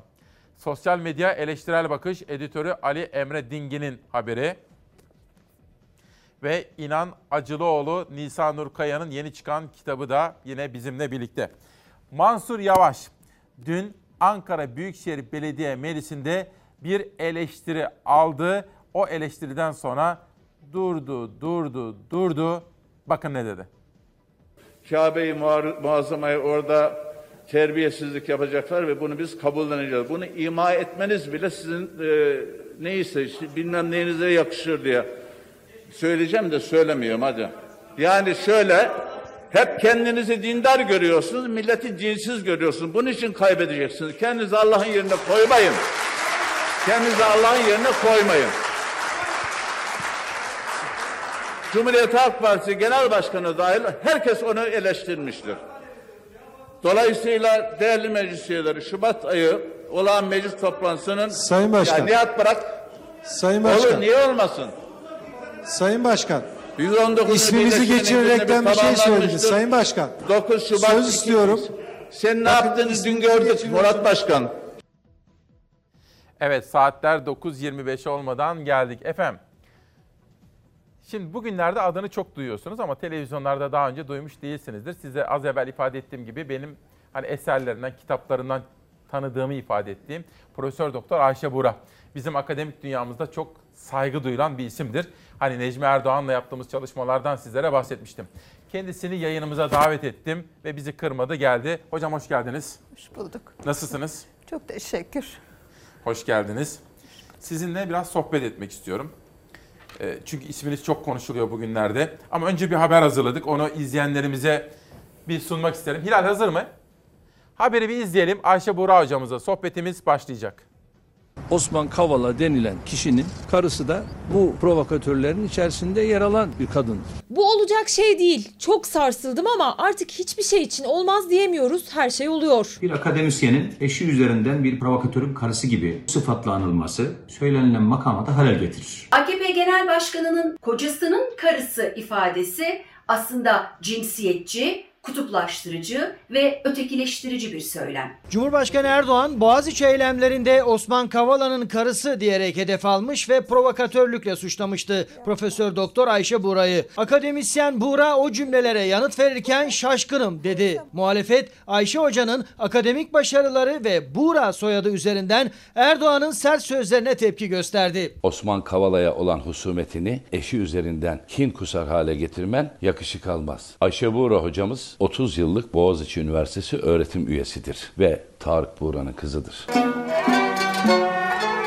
Kurtuluş Savaşı yıllarını anlatan Küçük Ağa romanıyla tanınan Tarık Buğra, gazeteci, yazar, devlet sanatçısı. Tarık Buğra'nın ölümünden yıllar sonra ödüllü akademisyen kızı Ayşe Buğra ise Cumhurbaşkanı'nın suçlamalarıyla gündemde. Bu ülkede Soros adeta temsilcisi olan kişinin karısı da yine aynı şekilde Boğaziçi Üniversitesi'nde provokatörlerin içerisinde yer alan bir kadındır. Osman Kavala'ya Soros'un tetikçisi diyorsun. Peki senin Soros'la boy boy fotoğraflarını nereye koyacağız Erdoğan? Ayşe Buğra, Dünya Bilimler Akademisi ödülüne layık görülen alanında başarılı bir bilim insanı. Ayşe Buğra Boğaziçi'nde yüksek lisans ve doktora öğrencilerine ders verdiğini, okula sık gitmediğini, sosyal medyada kullanmadığını yani iddia edilenin aksine provokasyon yapmadığını söyledi. Gazeteci İsmail Saymaz'a verdiği röportajda. Ama Erdoğan'ın sadece kendisi hakkındaki sözlerine değil, öğrencileriyle ilgili kurduğu cümlelere de tepkiliydi.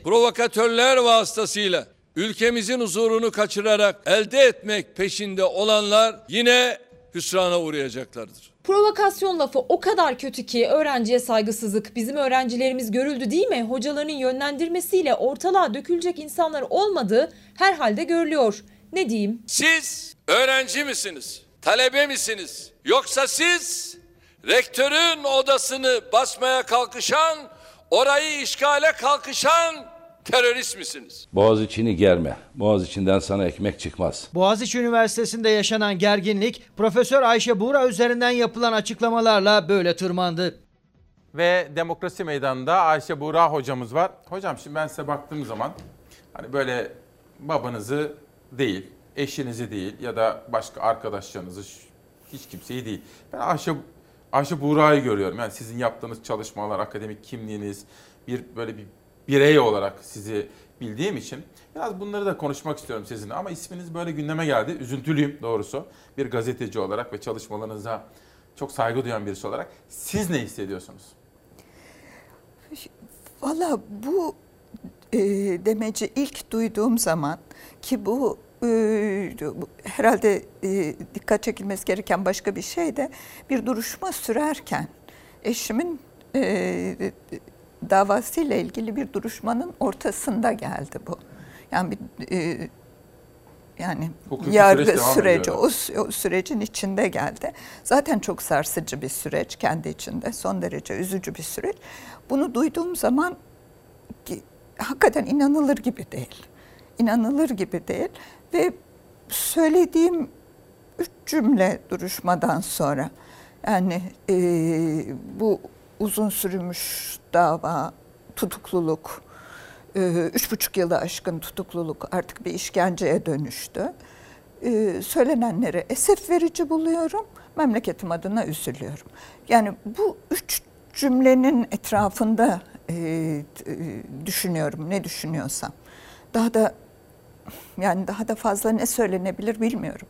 Gerçekten esef verici bir şey. Gerçekten esef verici bir şey. İnsanın e, eşiyle, annesiyle, babasıyla özdeşleştirilmesi. E, siz dediniz ya e, birisi size baktığı zaman işte eşinizi ya da babanızı ya da annenizi görüyor. Bu e, çok rahatsız edici bir şey. Yani sadece hani kendiniz olarak görülmediğiniz için değil, sizinle ilgili değil, onlar için de. Yani bakalım benim annem, babam, eşim e, benim bugün durduğum yerde olduğum gibi görünmek istiyorlar mı? Yani e, babam ne düşünürdü? Annem ne düşünürdü? Ya işim işimin benim yaptığım, söylediğim her şeyden sorumlu olması e, onu nasıl etkilerdi? Yani onun için insanları insan olarak görmek, insanlara insan olarak bakmak gerçekten e, çok önemli. Şimdi Sayın Cumhurbaşkanı yaptığı açıklamalarda tabii Osman Kavala ile ilgili bölümler var. O ayrı. Boğaziçi Üniversitesi ile ilgili bölümler de var ayrı ama kullandığı dil ve terminoloji aslında cinsiyetçi diye tanımlanan bir tabir. O biraz kırıcı oldu. Hani çok sosyal medyada böyle konuşuldu. Çok kırıcı oldu ve yani alıştığımız bir şey değil bu. Alıştığımız bir şey değil. Birisinden e, işte bilmem kimin karısı kadın ve bir de provokatör isnadı var. Yani bunlar e, e, hiç yakışmıyor. Hakikaten hiç yakışmıyor. Onun için esef verici olduğunu söylüyorum. Siz efendim Sayın Erdoğan'la hiç görüştünüz mü hayatınızda? Hayır. Hiç hayır, bir araya gelmediniz. Hayır, hayır, Peki. görüşmedim. Şimdi bir takım hazırlıklar yaptım. Ee, Şimdi bu akademik özgürlük meselesine sonra geçeceğim. Devam edelim. Şimdi Ruşen Çakır'da gördüm. 1986-2020 yılları arasında Boğaziçi Üniversitesi'nde kendisinden ders alan öğrenciler Profesör Ayşe Buğra bilimsel üretkenliği ve uluslararası saygınlığı ile Boğaziçi Üniversitesi'nin ve Türkiye'nin kıymetli bir değeridir diye bir paylaşım.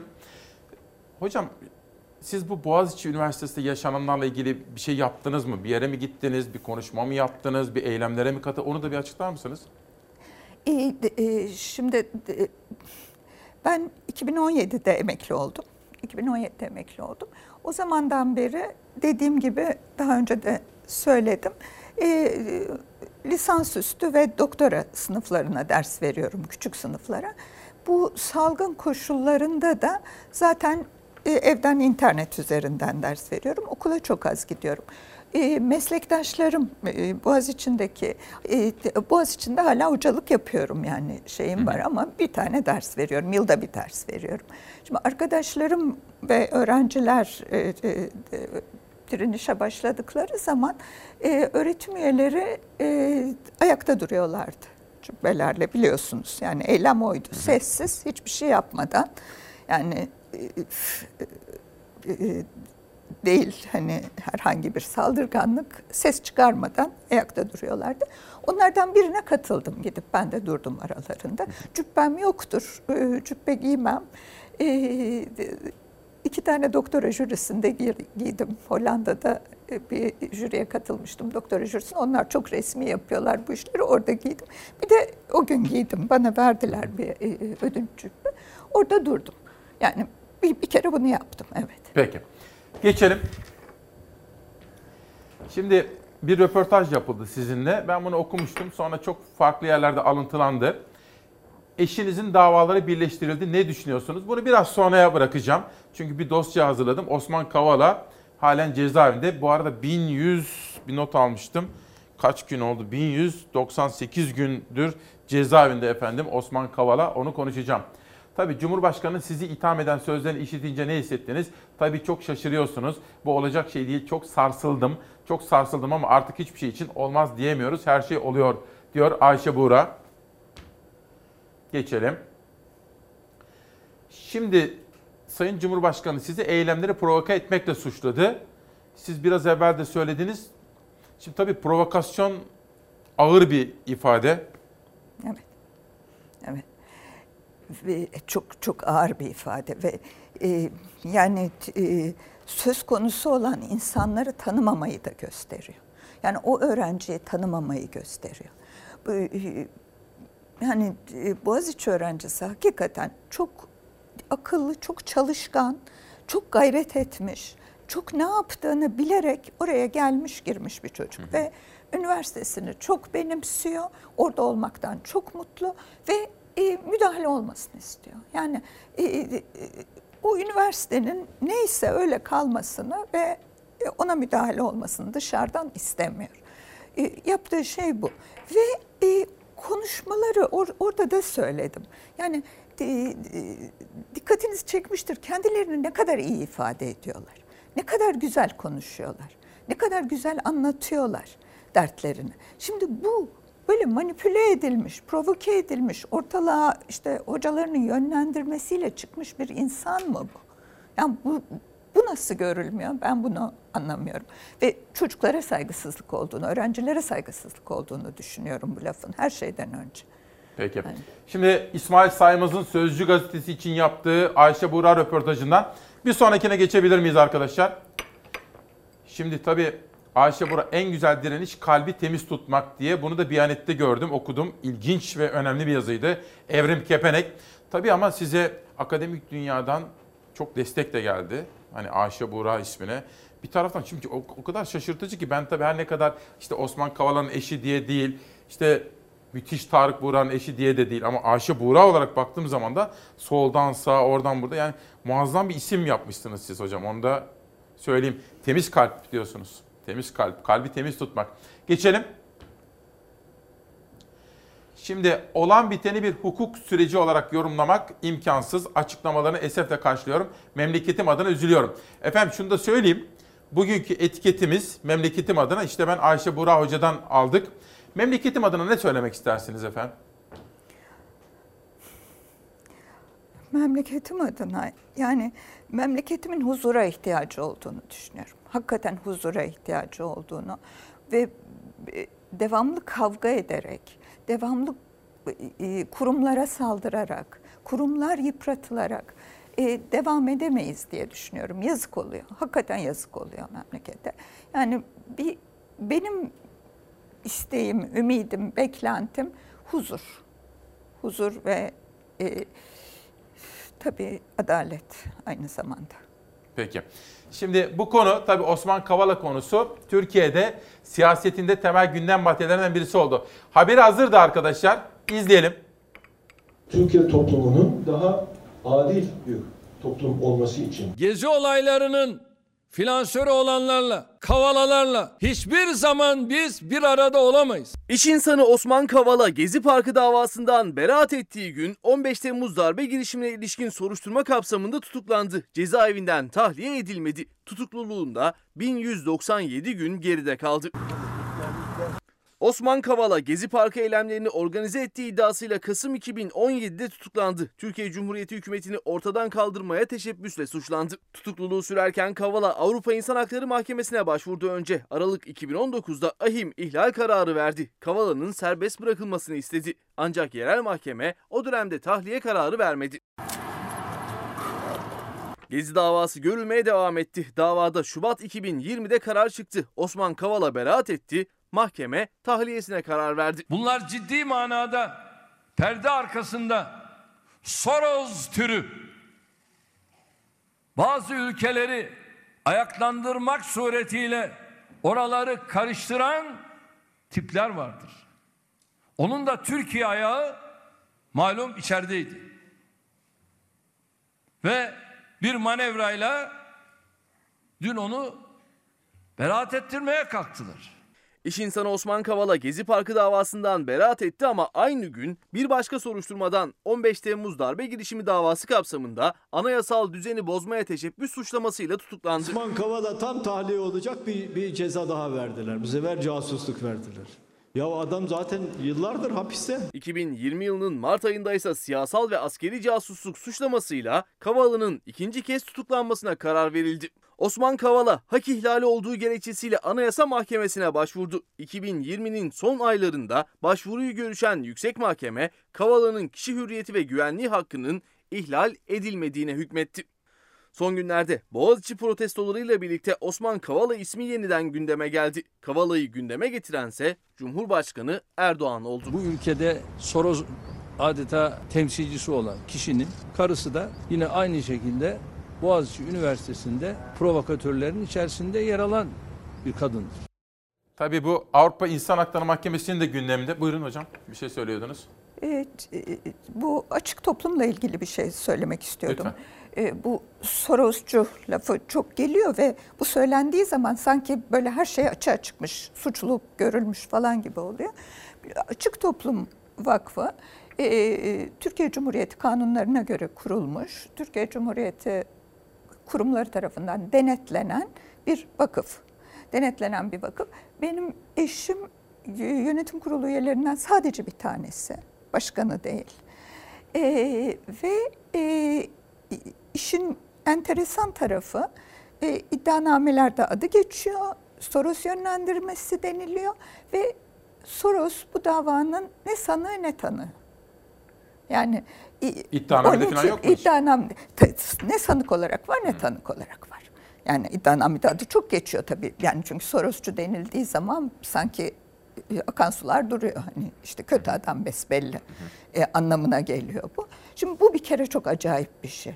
Hani Türkiye Cumhuriyeti kanunlarına göre kurulmuş ve onlarca denetlenen, onlar tarafından denetlenen bir kuruluşun e, e, yönetim kurulu üyelerinden bir tanesinden bahsediyoruz. Bir kere bu bir e, bunun bir netleşmesi lazım. Suçun ne olduğu. Devam edeceğiz hocam. Bir reklam arasına gidelim. Sonra biraz Osman Kavala 1197 gündür cezaevinde. Bu hukuki süreci de biraz konuşmak istiyorum. Tabii bizler hukuka her zaman inanırız. Adalet bizim en güvendiğimiz kurumların ve değerlerin başında gelir. Biraz sonra konuşacağız. Önce bir reklamlara gidelim. Profesör Doktor Ayşe Buğra hocamızla sohbetimiz sonra devam edecek. Bir kez daha günaydın ve hoş geldiniz.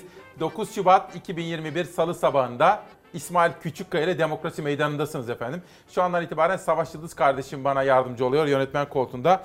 Memleketim adına bu mesajı Profesör Doktor Ayşe Buğra'dan aldık. Kendisi konuğumuz. Reklam arasında çok selamlar vardı sizlere. Bir kısmını ilettim selamlarınızın. Bir kısmı da soru olarak geldi. Onları da aktaracağım. Bu arada Canan Güllü hocamız bir mesaj yollamış. O mesajı okuyacağım çünkü arada bana o kadar çok mesaj geldi ki efendim şöyle. Ben ilk kez kendisini sizlere tanıtırken, takdim ederken Profesör Doktor Ayşe Buğra dedim. O Tarık Buğra'nın kızı tamam ama Osman Kavala'nın eşi ama onu tanımladığımız özellik aslında bir bilim insanı. O kendi başına yetkin bir bilim kadını.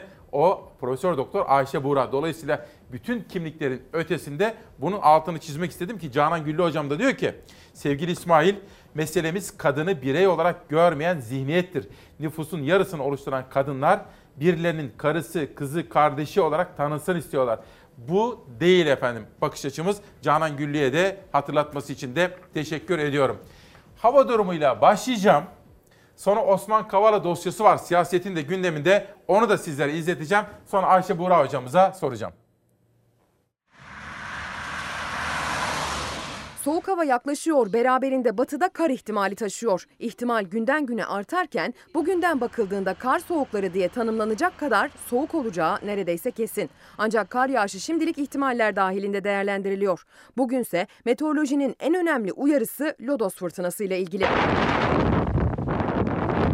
Fırtına Ege ve Marmara bölgelerinde ortalığı birbirine kattı, deniz ulaşımı durdu, tekneler battı, çatı uçmaları nedeniyle yaralanmalar yaşandı. Devrilen elektrik direkleri kesintilere neden oldu. Peki fırtına durdu mu? Lodos'la savaş alanına dönen İstanbul'da bugün de fırtına bekleniyor. Lodos yönlerden esmesi beklenen fırtına zaman zaman kuvvetini arttırarak bugün ve perşembe günü etkisini sürdürecek. Fırtına özellikle akşam saatlerinde yine kuvvetini arttırabilir. Uçma, kopma ve devrilmelerle baca zehirlenmesi ihtimallerine karşı hazırlıklı olunmalı. Meteoroloji Genel Müdürlüğü de İstanbul, Marmara'nın geneli ve hatta Ege bölgesi için kuvvetli fırtına var dedi, turuncu uyarı verdi. Doğu Karadeniz ve Doğu Anadolu bölgesinde ise çığ düşme riski sürüyor. Peki Lodos yağış getirecek mi? Bugün gün içinde Ege kıyılarında yağış bekleniyor. Akşam saatlerinde ise Trakya'dan giriş yapacak yağışlar gecenin ilerleyen saatlerinde Marmara genelinde etkili olacak. İstanbul'da akşam saatlerinde yine yağışla birlikte kuvvetli fırtına görülebilir. Lodos'la artan hissedilen ve ölçülen sıcaklıklarsa yurt genelinde mevsim normallerinin ortalama 8-9 derece üstünde seyretmeye devam ediyor. Çarşamba yağışlı hava etki alanını genişletecek. Geçiş şeklinde etkili olacak yağışlar Marmara, Batı Karadeniz ve İç Anadolu'nun batısında görülecek, kısa süreli olup gün içinde etkisini yitirecek. Çarşamba yağış geçişleri kuvvetli sağanak şeklinde olabilir. Marmara'da ve Batı Karadeniz'de yağış geçişiyle birlikte yine fırtına kuvvetli esebilir. Doğudaysa çarşamba yine çığ riski sürüyor. Beklenen sıcaklık düşüşü ise hafta sonunda yaşanacak. Cuma, cumartesi ve pazar günlerinde batıdan başlayarak yurda giriş yapacak soğuk hava Marmara'da, Karadeniz'de ve iç kesimlerde yağışları kara çevirecek. Cuma günü soğuma hissedilir hale gelecek. Cumartesi günü sıcaklıklar keskin bir düşüş yaşayacak. Hafta sonunda İstanbul'da dahil tüm Marmara'da kar ihtimali var. Hafta sonunda yoğun kar yağışı olacak diye meseleler geliyor. Efendim şimdi 1197 gündür tutuklu olan iş insanı Osman Kavala'ya ilişkin bir haber hazırladık. Siyasetinde gündeminde bu haberi de izliyoruz. Sonra bu olaya ilişkin Ayşe Buğra hocamızdan yorum rica edeceğim. Bu öğrencinin tutuklanmasını gerektirecek ortada hiçbir hukuki gerekçe yok. Adeta nefret tohumları ekiyor. Geliyor. Nasıl olsa bana oy gelmez dediği kesimleri özelleştirerek kendisine destek verenleri sözüm ona konsolide etmeye, bir arada tutmaya çalışıyor. Toplantı ve gösteri yapmayı hakkı herkese anayasal bir hakkıdır. Protestolarını barışçıl şekilde gerçekleştirirler. Görüş beyan etmeleri konusunda da baskı altına alınamaz. Siyasetin Boğaziçi tartışması öğrencilere yönelik gözaltı ve tutuklamalarla daha da alevlendi. İzmir'de gözaltına alınan Mimar Sinan Üniversitesi Güzel Sanatlar Fakültesi öğrencisi Beyza Bulda İstanbul'da tutuklandı. Tutuklanma gerekçesine ise muhalefetten sert tepki geldi. Türkiye Cumhuriyeti mahkemeleri skandal bir karara imza attı. Bir evladımız tutuklandı. Hiçbir delil dosyada yok. Keyfi bir tutuklama. Burada e, başka bir tablo var. Başka bir hazırlığın ipuçları görülüyor, seziliyor. E, Buna devlet müsaade etmez. Meclis Başkanı Mustafa Şentop da devreye girdi ama provokasyon şüphesinden söz edip devlet buna müsaade etmez restiyle. Beyza Buldağ'ın tutuklanmasına gerekçe ise Boğaziçi eylemlerine yönelik sosyal medyada açılan Boğaziçi dayanışması hesabı üzerinden yapılan paylaşımlar gösterildi. Ayrıca Cumhurbaşkanı Erdoğan'a açık mektup başlığıyla yazılanlar Cumhurbaşkanına hakaret, halkı kin, nefret, düşmanlığa tahrik etme ve suç işlemeye tahrik sayıldı. Bir kere yazılan mektupta ne Cumhurbaşkanı'na hakaret var ne de halkı kim ve nefrete tahrik var. Hadi diyelim ki var. Olsa bile bu suçların yatarı yok. Yani yatarı olmayan bir suçun tutuklaması da olmamalı. İktidar korkuları nedeniyle gencecik yavrularımıza eziyet ediyor. Korkuyla ülke yönetilmez. Öğrencilerin hareketlerini bir terör hareketi gibi takdim etmek aslında çok yanlış. Öğrenciler haklı da olabilirler, haksız da olabilirler. Ama bunu bir terör faaliyeti gibi görmek, göstermek en büyük hata olur. Türkiye Cumhuriyeti tarihinde hiçbir zaman mahkemeler bu kadar baskı altında tutulmamıştı. Evet, birileri mahkemeye baskı yapıyor. Tutuklama yönünde, gençlerin tutuklanması yönünde baskı yapıyor. Olmaz. Muhalefet rektör Melih Bulu'nun istifasını isterken yapılması gereken öğrencilerin tutuklanması değil, rektörün görevden alınması dedi. Beyza Buldağ'la ilgili tutuklama kararı ile birlikte Boğaziçi protestoları kapsamında tutuklananların sayısı ona yükseldi. Şimdi bakın Bahadır Erdem hocam da bana mesaj atıyor. Diyor ki şu anda İyi Parti lideri Sayın Meral Akşener Ayşe Buğra hocamızın bilimsel ve akademik özelliklerini anlatıyor grupta diyor. İşte Meral Akşener'in de gündemine gelmiş. Ayşe hocam bize şu süreci bir özetler misiniz? Şimdi bu hukuki süreç 1197 gün önce Osman Kavala'nın gözaltına alınıp tutuklanmasıyla başladı. Avrupa İnsan Hakları Mahkemesi de devreye girdi. Sizin gözünüzde yaşananları bir dinleyebilir miyim? Ya valla o kadar karışık bir süreç ki, o kadar karışık, o kadar uzun bir süreç ki. Şimdi üç buçuk yıl neredeyse sürmüş bir tutukluluk. Tutukluluk biliyorsunuz yani e, bir tedbirdir ve e, hüküm verilinceye kadar herkes masumiyet karinesinin koruması altındadır. Şimdi bu tutukluluk üç buçuk yıl sürünce tabii bu bir cezalandırmaya dönüşüyor. Bu süreç içinde bu Kasım 2017'den beri tutuklandığı 1 Kasım 2017'den beri benim eşim üç ayrı suçla e, suçlamayla karşılaştı. Bunlardan birisi Gezi davası denilen hükümeti devirmeye e, teşebbüs, e, ona yönelik e, eylemler. E, ikincisi anayasal düzeni devirmeye yönelik e, suçlamalar. E, Üçüncüsü, sonuncusu ise söylemesi bile ağrıma gidiyor casusluk. casusluk. Yani hakikaten söylemesi bile ağrıma gidiyor casusluk suçlaması. Şimdi bu birinci suçlamadan ki Gezi davası e, diyoruz ki ona, Gezi davası diye biliniyor, beraat etti. E, şimdi diğer yargılananlarla birlikte. E, beraat etti. Bu arada e, e, ikinci suçlamadan bu darbe suçlamasından yani anayasal düzeni yıkmaya teşebbüs suçlamasından daha önce tahliye edilmişti. Ondan tahliye edilmişti. Gezi e, e, davası bağlamında tutuklu bulunuyordu. Ondan beraat ettiği gün e, öteki davadan tekrar tutuklandı. İkinci defa tutuklandı. Sonra ondan tekrar tahliye edildi. E, ve casusluk suçlamasıyla tutuklandı. Şimdi bu, bu çok karışık biliyorum. Yani ne, bu nedir diyenler haklı. Hmm. Çok karışık bir süreç. Çünkü tutukluluğun uzatılması için durmadan yeni tutuklamalar ve yeni Ahim suçlamalar ve ortaya kararları çıkıyor. var tabii. Şimdi bu arada bu arada Avrupa İnsan Hakları Mahkemesi e, tutukluluğun haksız tutukluluk olduğunu e, belirten bir karar verdi ve derhal tahliye edilmesi gerekir dedi. Tahliye edilmedi eşim. Bu başka suçlamalar, başka tutuklamalar arkasından başka suçlar bunlarla e, halen cezaevinde. E, bu şeyden sonra, ahim kararından sonra, Avrupa İnsan Hakları Mahkemesi kararından sonra. Avrupa İnsan Hakları Mahkemesi kararlarını uygulanıp uygulanmadığını denetleyen Avrupa Konseyi Bakanlar Komitesi bundan sonra üç toplantı yaptı. Üç ayrı toplantı yaptı ve üç ayrı toplantıda yetkilileri ahim kararını uygulama yönünde yani tahliye yönünde hareket etmeye davet etti. Şimdi bu e, önemli bir şey çünkü e, e, Avrupa Konseyi Bakanlar Komitesi bu iş yaptırımlara kadar gidebilecek bir şey. Hani Türkiye'nin bazı oylamalarda ki konumunun değiştirilmesi vesaire bunların ötesinde bir takım yaptırımlara kadar gidebilecek bir şey. Şimdi bütün bunları söylediğiniz zaman Avrupa İnsan Hakları Mahkemesi, Avrupa Konseyi adın üst yani başında Avrupa olan her e, niteleme işte yabancılar, e, e, bizim düşmanlarımız, onlar zaten dış güçler, dış güçler e, vesaire gibi e, bir takım mülazalarla karşılaşabiliyorsunuz. Şunu hiç unutmamak lazım. Ben bunu çok önemsiyorum ve tekrar tekrar söylenmesi gerektiğini düşünüyorum. Türkiye Avrupa Konseyi'nin kurucu üyesidir. Ve ahim kararlarının bağlayıcılığını kabul etmiş bir ülkedir. Şimdi bu durumda siz bu kararı uygulamazsanız ve karar çok net. Karar çok net ve kararın ne diyor içinde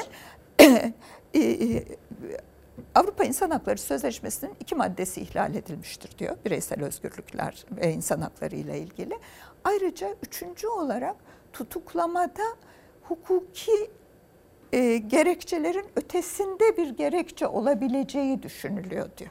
Yani burada kastettiği şey e, eşimin tutukluluğunun sivil toplum kuruluşlarının faaliyetlerini, e, e, sivil toplum kuruluşlarını e, tedirgin etmek, e, işte e, cesaretlerini kırmak vesaire gibi şeylere uzandığını e, söylüyor.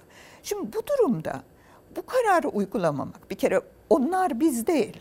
Biz Avrupa Konseyi'nin üyesi bir ülkeyiz ve bizimle konuşurlarken e, Avrupa Konseyi'nin üyesi bir ülke olarak konuşuyorlar. Başka bir şey olarak konuşmuyorlar. Hani bir yabancı ülke olarak konuşmuyorlar. Şimdi bu karar uygulanmadığı sürece, Bakanlar Komitesi'nin kararları dikkate alınmadığı sürece bunlar tabii Türkiye'yi e, hem Avrupa'dan hem demokratik dünyadan uzaklaştıran şeyler, uzaklaştıran eylemler. Bu kararların uygulanması lazım ve bu tutukluluğun sona ermesi lazım. Eğer Türkiye Avrupa ile iyi ilişkiler içinde demokratik dünyanın parçası olarak kalacaksa. Yani, Şimdi bu söyledikleriniz o kadar önemli ki hocam. Şimdi şöyle Sayın Cumhurbaşkanı Erdoğan, sonra Sayın Adalet Bakanı Gül son zamanlarda bir hukuk sisteminde reformdan bahsediyorlar ve özellikle Avrupa Birliği ilişkileri normalleştirmeden bahsediyorlar. Keza Dışişleri Bakanı Sayın Çavuşoğlu da bunu söyledi. Bakın dedi biz Fransa ile görüşmeye başladık, Yunanistan'la görüşmeye başladık. Avrupa Birliği ile işte Sayın Cumhurbaşkanı dün akşam Şansölye Merkel'le de görüştü. Dolayısıyla hani şöyle sorayım mı size? Ahim'in kararı bize Osman Kavala'yı tahliye edin mi diyor? Evet. Hmm. Evet. evet. Ve çok net söylüyor. Derhal diyor. Yani derhal cümlesi var. Derhal cümlesi. Derhal tahliye edin diyor. Şimdi bu tabii Türkiye için çok hayırlı bir şey değil tahliye edilmemesi. E, yani demokrasi açısından, insan hakları açısından, hukuk devletinin e, durumu açısından ve tabii bunun ekonomik bir takım maliyetleri de var. Yani bu kime yarıyor bilmiyorum.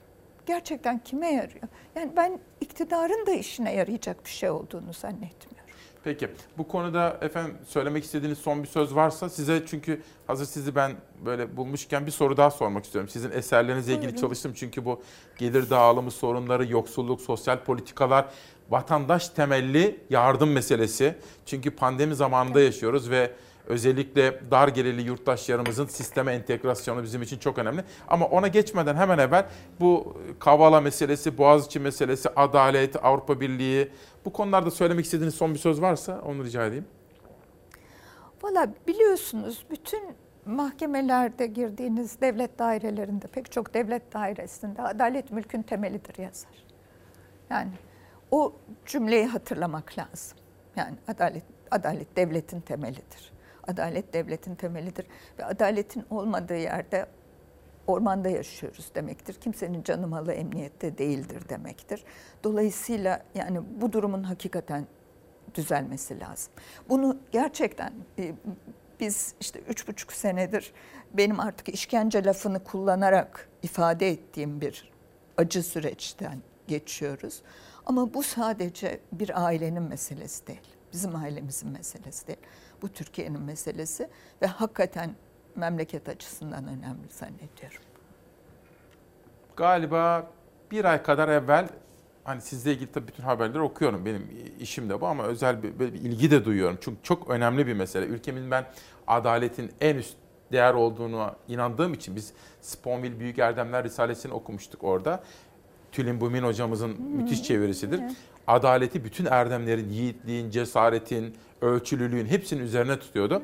Ama bir de temel değerlerden biri anne. Sizin bir röportajınızı görmüştüm. Osman Kavala'nın annesinden bahsediyordunuz. O çok acı bir şey. Yani hakikaten benim e, canımı acıtan bir şey. E, şimdi biz de genç insanlar değiliz. Biz de genç insanlar değiliz ve belirli bir yaştan sonra hayatınızdan çalınan üç buçuk yıl çok önemli bir şey. Ama 90 yaşının üstünde bir insanın hayatından hayatını bu şekilde etkilemek o daha da korkunç bir şey. O daha da korkunç bir şey. Ben daha önce de söyledim. Ee, eşimin annesi böyle sızlanan, ağlayıp sızlayan, şikayet eden bir insan değildir. Çok güçlü bir insandır, çok sağlam bir insandır. Ama arada bir acaba bir daha görür müyüm diyor. Oğlunu bir daha görüp göremeyeceğini düşünüyor. Ve bunu söylediği zaman hakikaten insan çok fena oluyor. İsmini Ee, Necla Hanım, Necla Kaban. Necla Hanım. Peki. Bir soru daha soracağım. Savaş. Şimdi bir esnaf haberi vardı. Onu izleyelim. Son soru olarak Ayşe Buğra hocamıza bu vatandaş destekleri konusunu sormak istiyorum. Dükkanlarımız kapalı. 3 ay oldu. Bundan önce de 3 ay kapanmıştı. Toplam bir yıl içinde 6 ay dükkanlar kapatıldı. 6 ay.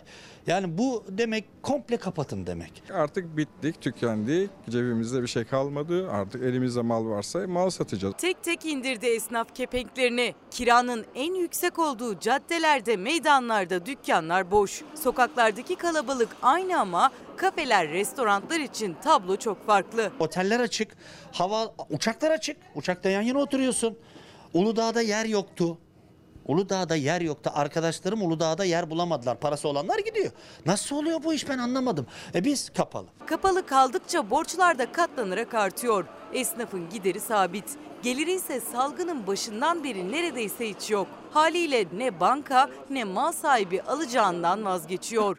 Bir de üstüne faturalar eklenince tıpkı 5 yıldır Beşiktaş'ta kafe işleten İlkay Aksum gibi altından kalkması her geçen gün daha da zorlaşıyor. Mal sahibiyle her gün kavgalıyız. Her gün adam arıyor diyor ki kira. Diyoruz ki onlara da müdahale etmiyor. Hani kimse. Yani en azından mal sahiplerine müdahale edin. Ö- öde- e, dün gelmiş elektriğimizi kesmeye dükkanın. Doğalgaz kesmeye, elektrik, bari faturalarımız kesilmesin ba- bari. En az bir şeyler yani. 750 lira yardımla bir şey olmuyor. Borç var mı bu süreçte? Allah'tan borcumuz yok, harcımız yok. Gayet keyif. Ne borç? Borç, bur- borç. Borç artık başka bir kavram. Her taraf. Bakın 6 ay önce esnafa yardım kredisi verildi. 6 ay sonra geri ödemeli. Hepimiz çektik 25 bin lira, 50 bin lira neyse. E 6 ay geçti dükkanlar yine kapatıldı. Nasıl ödeyeceğiz? Ne kadar bu dükkanın kirası? Yaklaşık 20 bin lira.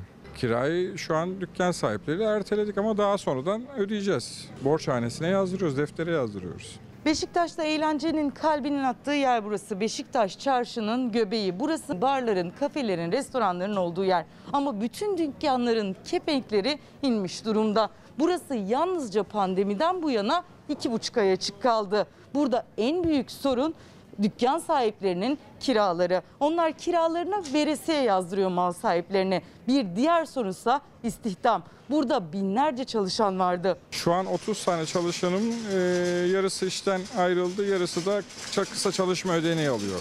Bu sektörde yaklaşık 2 milyon çalışanın da durumu belirsiz. Gelal serviste hizmet veren işletmelerin önünde ise ne önlem var, ne tedbir, ne de sosyal mesafe. Bar, kafe, restoranların kapatılmasının asıl amacı zaten sosyal mesafe kurallarını uyulmasını sağlamak ve o mesafe kurallarının aşılmasına engel olmaktı. Ama Gelal serviste açık olan dükkanların önünde yine yoğunluk var. Yine sosyal mesafe kurallarına uyulmuyor ve yoğunluk, kalabalık bu kez dükkanların önünde oluşuyor. 6 ay kapalı olamaz bir dükkan. Biz sağlık koşullarına uyalım, HES kodumuzla müşterimizi alalım, dükkanlarımızı açalım rica ediyoruz yani. Kiramızı ödeyelim, faturamızı ödeyelim, evimize ekmek götürelim. Şimdi her ne kadar bunu söyledim ama şu anda mesajlar geliyor. Meral Akşener biraz evvel grup toplantı salonunda bu konuda konuşmuş. Müsaade eder misiniz okuyayım Tabii. size Meral Akşener. Sevinirim. Aynı zamanda Ayşe Buğra yani sayıyor Ayşe Buğra hocamızın akademik kimliğinden ve bilinçli, duyarlı Türkiye Cumhuriyeti yurttaşlığından bahsediyor Meral Akşener. Övgüyle bahsediyor ve aynı zamanda kendisi rahmetli Tarık Buğra'nın da kızıdır. O Tarık Buğra ki senin festine, burma bıyıklığına benzemez. O Tarık Buğra ki TRT'nin TRT olduğu zamanlarda bu millete ecdadını hakkıyla anlatan, milli mücadele ruhunu hakkıyla aktaran dizilerin uyarlandığı muhteşem romanların yazarıdır. Sen artık kabak tadı veren cehaletinle bunları bilmeyebilirsin. Ama Sayın Erdoğan diyor Meral Akşener biraz evvel. Ama Sayın Erdoğan her şeyin ötesinde bir kadından, bir bilim insanından söz ediyorsun. Terbiyeli olacaksın, efendi olacaksın. Bu sözler devletin başına yakışmaz. Cuma namazı çıkışında abuk subuk konuşup abdesti gıybetle bozmak bu ülkenin Cumhurbaşkanı'na yakışmaz. Bu ülkenin Cumhurbaşkanı Boğaziçi Üniversitesi'nin 36 yıllık şerefli bir hocasını, milletimizi gururlandıracak bilimsel çalışmalar yapmış bir kadını, Profesör Doktor Ayşe Buğra'yı hedef tahtasına koymaz, koyamaz diyor. Meral Akşener böyle söylüyor. Sağ olsun. Sağ olsun. Akademik dünyadan da ben baktım. Soldan sağa çok farklı üniversitelerden, çok farklı kesimlerden destek mesajları geliyor size Ayşe Buğra'ya. Evet. 36 sene hocalık yaptığınız zaman 36 sene. epeyce 36 mı oluyor? Yani artık şey değil 1986. 1986'da e, başladım Boğaziçi'nde. E, İlk verdiğim derste e, ilk e, bir iktisata giriş dersi veriyordum. Bir de küçük seminer dersi veriyordum iktisat metodolojisiyle ilgili. İlk dersim yani çok heyecanlıydım da tabii. 8 öğrenci vardı. O öğrencilerden üçü şimdi Boğaziçi Üniversitesi'nde profesör. Yurt dışına gittiler, yurt dışında doktoralarını yaptılar, geldiler ve şimdi üniversitede profesörler. O kadar parlaktılar, o kadar akıllıydılar, o kadar güzel sorular soruyorlardı ki dehşete düştüm. Nasıl çalışıyordum gece gündüz e, onlara e, doğru cevap vermek için ve çok şey öğrendim tabii. Ben öğrencilerinden çok şey öğrenmiş bir hocayım. Öğrenciler de bunu Meral Akşener'le bir hukukunuz var mı? Hiç tanışır mısınız? Tanışmışlığımız var. Bir, bir kere tanışmışlığımız Bir kere var ama şey değil. Öyle hukuk, Çok öyle yok sosyal öyle devamlı görüştüğümüz bir şey Peki. değil. İki tweetim vardı. Onları da bir sormak isterim. Sizin şimdi mesela bakın Kapitalizm, Yoksulluk ve Türkiye'de Sosyal Politika bir kitabınız. Devlet ve İş Adamları bir başka kitap. İktisatçılar ve İnsanlar. Türkiye'de Yeni Kapitalizm. Bütün bunlar Profesör Doktor Ayşe Buğra'nın çalışmaları. Efendim yanlış hatırlamıyorsam yurt dışında da 5000'in üzerinde referans vardı Ayşe Buğra'nın yaptığı çalışmalara, akademik dünyadaki eserlerine. Şunu sormak istiyorum hocam. Şimdi zor zamanlardan geçiyoruz. Pandemi var çünkü bütün dünyayı olduğu gibi biz de etkisi altına almış durumda. Ve vatandaşlarımızın bir kısmı zor geçiniyor, bir kısmı geçinemiyor. Esnafımızın bir kısmı çok zorlanmaya başladı. Böylesine durumlar için sizin eserlerinizde bir aslında sistemsel yapı önerisi var. Onu birazcık anlatır mısınız? Vatandaş geliri. Ee, şimdi vatandaş geliri ve başka mekanizmalar, başka sistem sisteme içkin mekanizmalar deriz biz buna. Sisteme içkin e, istikrar mekanizmaları deriz. Şimdi bunlar e, e, artan oranlı vergi olabilir. E, işsizlik sigortası olabilir, asgari gelir desteği olabilir. Bu tür mekanizmaların var olduğu yerde bir kriz durumunda e, istihdamın ve gelirlerin düştüğü bir kriz durumunda bunlar devreye girerek e,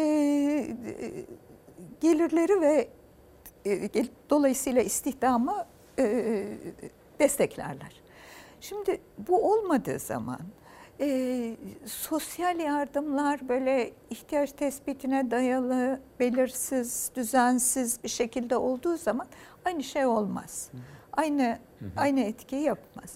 Eğer bizim hani e, e, hakikaten kapsayıcı bir işsizlik sigortası e, politikamız olsaydı, e, e, asgari gelir desteği politikamız daha düzgün işleyen bir asgari gelir desteği politikamız olsaydı daha doğrusu hani bir takım aile sigortası falan gibi öneriler yapılmıştı. Onlar gibi bir şey olsaydı o zaman bu kadar e, bu kadar zorlanmazdı ekonomi.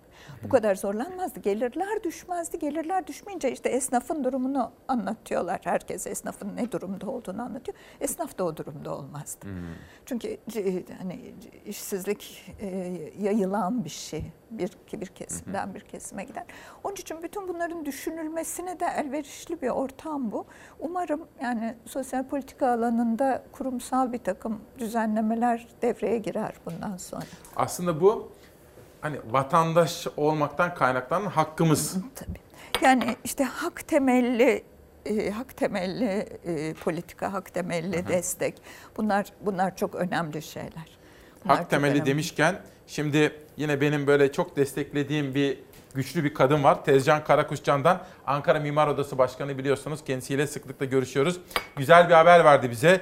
Mücadele sonuç verdi. Tarihi Zonguldak Kız Meslek Lisesi kurtuldu. Zonguldak Kız Meslek Lisesi verilen mücadele sonucu kültür varlığı olarak tescillendi. Biz de Ankara Mimar Odası'na bu konuda kendisine destek verenlere ve Tezcan Karakuş Candan'a çok teşekkür ediyoruz. Bir de tarım haberimiz vardı patatesle ilgili. Patates maalesef depoda çürümeye başladı. İyi de patates para etmeyince çiftçiler patatesi hayvanlara yedirmeye başladı. Artık patates hayvan yemi durumuna geldi. Tamam bu patatesi 1 liraya mal ediyor. Gelsin bunun üstüne fiyat verecek. Varsa gelsin alsın deponda. Almazsa da depoda çürüyecek. Çürüyecek yani. Ürettikleri ürün ortak, dertleri benzer. Afyonkarahisar ve Niğde'den patates üreticisinin sesi yükseldi. Üreticiler maliyetinin altına satmak istemedikleri patatesi depoladı. Niğdeli patates üreticisi zararına satacağıma hayvanların yem parasından tasarruf ederim dedi. Filizlenip çürümeden önce bir işe yarasın diye patatesi ineklerine yem olarak vermeye başladı. Niğde'de 500 bin ton patates depolarda duruyor. Toprak Mahsulleri Ofisi Tarım Kredi Kooperatifi gelip bu patatesleri almadı. 1 liraya mal olan patatesi çiftçi 50 kuruşa 60 kuruşa satamadı. Çareyi çürüyecek patates bari hayvan yemi yapayım dedi. CHP Niğde Milletvekili Ömer Fethi Gürer dile getirdi Niğdeli üreticinin durumunu. CHP milletvekilleri Nurhayat Altaca Kayışoğlu, Kamil Okyay Sındır ve Emine Gülizar Emecansa Afyon Karahisar Şuhut'a bağlı Anayurt köyündeydi. Bu köyde şu an herkese depoda patates duruyor. Para ettiği zaman e, terör oluyoruz. Soğan patates terörü. Etmediği zaman ne ediyorsun diye soran olmuyor. Sonuçta bu yani. Köylünün önemli bir kısmı patates üretiyor ve pek çoğunun patatesi uzun süredir depoda. Filizlenip çürümeleri an meselesi. Sayın Vekilim, bugün ben bir saat suyu şahıstan sulama yapıyorum. Bundan bir yıl önce 25 liraya sulayan şahıs bugün 50 liraya suluyor.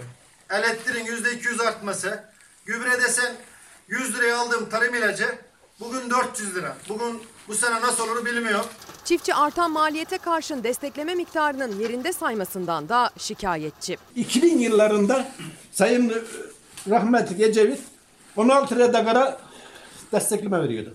13 kilo mazot ediyor. Bugün 2 kilo mazot etmiyor yediği parayı. Efendim tabii demokrasi meydanı diyoruz. İsmail Küçükkaya ile demokrasi meydanı böyle. Ha şunu da söyleyeyim. Ben geçtiğimiz hafta hani bir bilgi vermiştim. Boğaziçi Üniversitesi'ne yeni atanan rektör bir telefon konuşması yapmıştı, bir kulis bilgisi. Ben o gün yanındaki kişilere de söyledim. Arzu ediyorsa kendisi de buraya gelebilir. Burası demokrasi meydanı. Yeter ki birbirimizin gözünün içine bakarak sohbet edebilelim. Çünkü aynı ülkede yaşıyoruz ve bu ülkeyi daha iyi noktaya taşımak gibi bir mükellef durumdayız. Yani sorumluyuz. Şimdi çok soru var ama bir tanesi de şu size so- sormayayım ama en azından bilgi vereyim. Tarık Çelenk arkadaşımdan geliyor. Benim dostumdur. O sağ taraftan diyor ki Ayşe hocamızın merhum babası Türk sağının çok önem verdiği kıymetli edebiyatçılardan biridir. Acaba sorabilir misin Türk sağının vicdan hakkında ne düşünür diye soruyor Tarık Çelenk.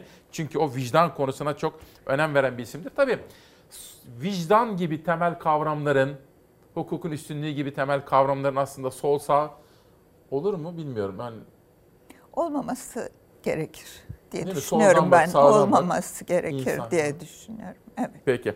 Hocam bir kere çok teşekkür ediyorum. İkincisi demokrasi meydanına katkı verdiniz, katılım verdiniz. Sesinizi de duyurduk, sizi de tanıtmış olduk.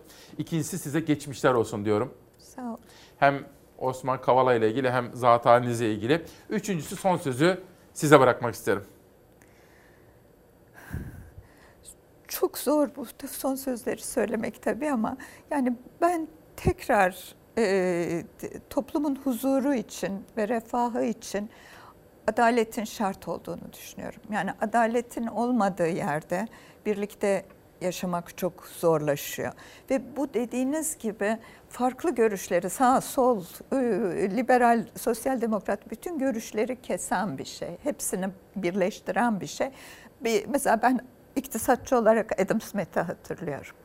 Toplum iyilik olmadan da yaşar ama adalet olmadan yaşayamaz diyor. Çok teşekkür ediyorum. Tekrar geçmişler olsun. Sevgili Çalar Saat ailesi müsaade eder misiniz? Ben konuğumu uğurlayacağım. Aranıza döneceğim. 11'e kadar bu sabah buluşmamız devam edecek. Hoş geldiniz efendim bir kez daha. 9 Şubat 2021 Salı sabahında İsmail Küçükkaya ile Demokrasi Meydanı'ndayız. Ve memleket adına ne yapıyorsak, hangi çabanın içerisindeysek memleket adına diyorum ve yeni tur gazetelere geçiyorum. Yeni birlik. Tabii okullar, öğretmenlerimizin aşılanması, çocuklarımızla ilgili durumlar, yüz yüze eğitim yapılacak mı, yapılmayacak mı, kademeli mi olacak, ne zaman başlayacak? İşte bu soruların yanıtını da merakla bekliyorduk. İşte bu kuşaktaki ilk haberim eğitime ilişkin manşet. Hepimizin gönlü hasretimizin bitmesinden, okullarımızın açılmasından yana olsa da bizler salgının seyrine göre en akli kararı vermekle mükellefiz. Çocuklarımızın üstün yararı bunu gerektiriyor çünkü. Salgının başından beri olduğu gibi yine ihtimalleri hesaplayarak, tüm tedbirleri alarak sizleri ve çocuklarımızı en güvenli şartlarda sınıflarınızda buluşturmak için çabalıyoruz. Temel gayretimiz ve ilkemiz deneyimlerimizin de ışığında kontrollü şekilde yüz yüze eğitime geçmek. Salgının seyri nedeniyle tüm sınıfların aynı anda ve tam zamanlı olarak yüz yüze eğitime geçmesi kısa vadede mümkün görünmüyor. Dolayısıyla biz yaş gruplarının taşıdığı riskleri, pedagojik gelişimleri, 7 ve 10. sınıflar gibi hiç açılmamış sınıfları, sınav ve staj durumu gibi çeşitli öncelikli etkenleri dikkate alarak planlamalarımızı yaptık. Salgının şartlarına göre en güvenli ve faydalı uygulamayı yürürlüğe koyacağız birlikte. Ayrıca bu dönemde oluşan öğrenme kayıplarını tespit ediyoruz. Bu kayıpları gidermek için öğrencilerimize gerekli desteği vermek üzere planlamalarımızı tamamladık. Yakın bir zamanda bu konudaki yol haritamızı sizlerle paylaşacağız. Ve eğitimin dışında ben Murat Göllü kardeşime başsağlığı diledim değil mi? Kıymetli babasını kaybetti. Murat Göllü kardeşime ve ailesine sabır dileklerinde bulunmak istiyorum. Posta gazetesine geçtim. Operasyon Uzun Kulak. Elazığ'ın Sivrice ilçesinde eşsiz doğal güzelliklere sahip Hazar Gölü'ndeki bir adacıkta tavşanlar yaşıyor. Adanın uzun kulaklı sakinleri kış aylarında otlar kuruyunca yiyecek bulmakta zorlanıyor. Jandarma ekipleri Hızır gibi yetişip her kış teknelerle tavşanlara yiyecek taşıyor diyor. İçinizi ısıtacak bir haber bugün Posta Gazetesi'nde. Ama Profesör Mustafa Öztürk'ün sosyal medya paylaşımlarında gördüm. Bir dere, bir duyarsızlık ve o derenin kirletilmesi işte bir çevre felaketi.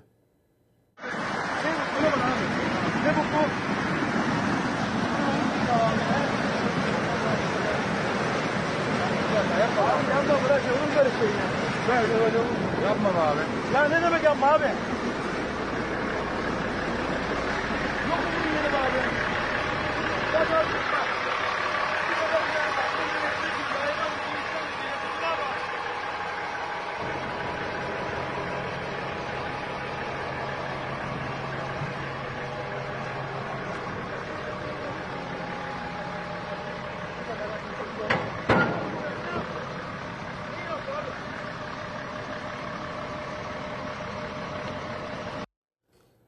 adı vandallıktır efendim. Hoyratlıktır, vandallıktır diyorum.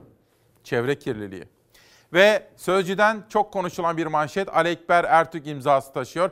Atatürk'e perde. Tekirdağ Aile ve Sosyal Hizmetler İl Müdürü Ülkü Uslu makamındaki Atatürk resminin üstüne store perde koydu. Bakın fotoğrafı da var. Siz fotoğrafa bakarken ben haberi sizler için okuyayım. Ne düşündüğünüzü merak ediyorum. Böyle dursun. Evet tam böyle dursun. Perdeyi görenler müdüre hanım bazı durumlarda perdeyi mi kapatıyor diyerek tepki gösterdi. Müdür uslu ise tamamen pratik bir çözüm buldum. Hiçbir art niyetim yoktur. Olamaz da Atatürk'ün üzerine neden perde çekeyim ki dedi. İşte böyle. Peki bu perdenin çekiliş sebebi nedir acaba? Bu da aslında yanıtlanmayı bekliyor. Önemli bir haber. Sizi Urfa'ya Göbeklitepe'ye götüreyim mi efendim? İster misiniz? Peki gideceğiz. İlyas Şengün Götür beni bu şehirden diyor. Bu kitabı da imzalayarak bize göndermiş. Senin için evimdeyim. Barcelona'dan Sihirli, Doktor Sihirli Ender Büyükbay yazmış ve bize imzalayarak göndermiş. Çok teşekkür ediyorum. Göbekli Tepe. Üzerinde gökyüzüne bak ayı gör yazıyor. Dünyanın dört bir yanında bulunan metal bloklarla birebir aynı olmasa da gizem yönünde büyük benzerlik taşıyor. Şanlıurfa Göbekli Tepe yakınlarında da bulunan monolitin bugün yerinde olmadığı belirtildi. Araziye bu metal bloğu kimin getirip kimin kaldırdığına dair bir bilgi paylaşılmadı. Bunun ne için ne amaçla dikildiğini herkes merak içinde. Şanlıurfalı bir çiftçi Göbekli Tepe yakınlarında metal bir blok bulup yetkililere haber verdi. Jandarma sabah akşam bu yapının önünde nöbet tuttu. Haberi duyanlar bölgeye akın etti. Metal blok Göbekli Tepe gibi bir anda cazibe merkezine dönüştü. Sabah uyandığımızda bu heykeli gördük yani. Şu an merak içindeyiz biz de. Yani bir sürü kişi var şu an merak ediyor burada. 12 bin yıllık geçmişiyle tarihin sıfır noktası Göbekli Tepe'de ortaya çıktı monolit. Üzerinde bir de yazı yazdığı görüldü. Göktürk alfabesiyle yazılan yazının gökyüzüne bak ayı gör anlamına geldiği açıklandı. Bugün 3 metre boyundaki monolitin yerinde olmadığı fark edildi. Bu yapının bölgeye nasıl geldiği gizemini korurken nasıl kaldırıldığı da aynı şekilde gizemini koruyor. Amerika Birleşik Devletleri'nde iki farklı noktada son olarak da Romanya'da dikkatleri çekmişti metal blok. Uzunlukları farklı olsa da yapısal olarak benzerlik gösteren monolitlerin gizemi çözülemedi. Metal blokları getirip sonra da kaldıranların kim olduğu ve amaçlarının ne olduğuna dair bir bilgi henüz yok. Çok acayip değil mi? Çok enteresan. İnsan hayretler içerisinde kalıyor. Doğudan batıya sağlık turizmi ve etik anlayış. Doktor Erden Miray Yazgan Yalkın, editör Profesör Doktor Turgay Avcı. Serap Teğmen ve Gittik isimli kitapta yine bizimle birlikte Çalar Saat'te. Dünyanın manşetlerinde uzaktan çalışan, home office diyoruz ya, evini ofise çevirenler. Le Parisien'de çok çarpıcı bir haber analiz gördük burada bakın. Ve şunu sorgulamışlar. Acaba firmalar uzaktan çalışmayı, evden çalışmayı zorunlu hale getirirken bunun çalışanlar açısından maliyeti ne oldu? Mesela Fransa'daki bir araştırmaya göre evden çalışanlar 174 euro daha fazla maliyeti üstlenmek zorunda kalmışlar efendim. Bir de Amerika'da yılın eğlencesi, yılın olayı nedir? Super Bowl'dur. İzleyelim. Dünyanın heyecanla takip ettiği Super Bowl pandemiye rağmen çok büyük bir katılımla gerçekleşti. Gösterişli şovları izlemeye doyum olmayan görsel efektleriyle Super Bowl bu yıl 55. kez düzenlendi. Salgının merkez üssü haline gelen Amerika Birleşik Devletleri'nde Super Bowl aşkı pandemiyi de unutturdu. Florida eyaletinin Tampa şehrindeki Raymond James stadında gerçekleşen etkinliğe katılım çok yoğundu. Ulusal Marşı rap sanatçısı Jasmine Sullivan ve country müziğin sevilen ismi Eric Church seslendirdi. Tribünler duygu dolu anlar yaşadı. Karşılaşma öncesi ünlü müzisyen The Weeknd'in sahne şovu büyük beğeni topladı. The Weeknd, Can't Feel My Face, Blinding Light şarkılarını yüzü bandajlı dansçılar eşliğinde söyledi. Maç düdüğü çaldı. Tampa Bay Buccaneers ve Kansas City Chiefs kozlarını paylaştı. Tampa Bay Buccaneers geçen yılın şampiyonu Kansas City'yi 31'e 9 yenerek büyük bir hüsrana uğrattı ve 18 yıl sonra şampiyon oldu. Nefesleri kesen mücadele sonrası Buccaneers taraftarları büyük coşku yaşadı.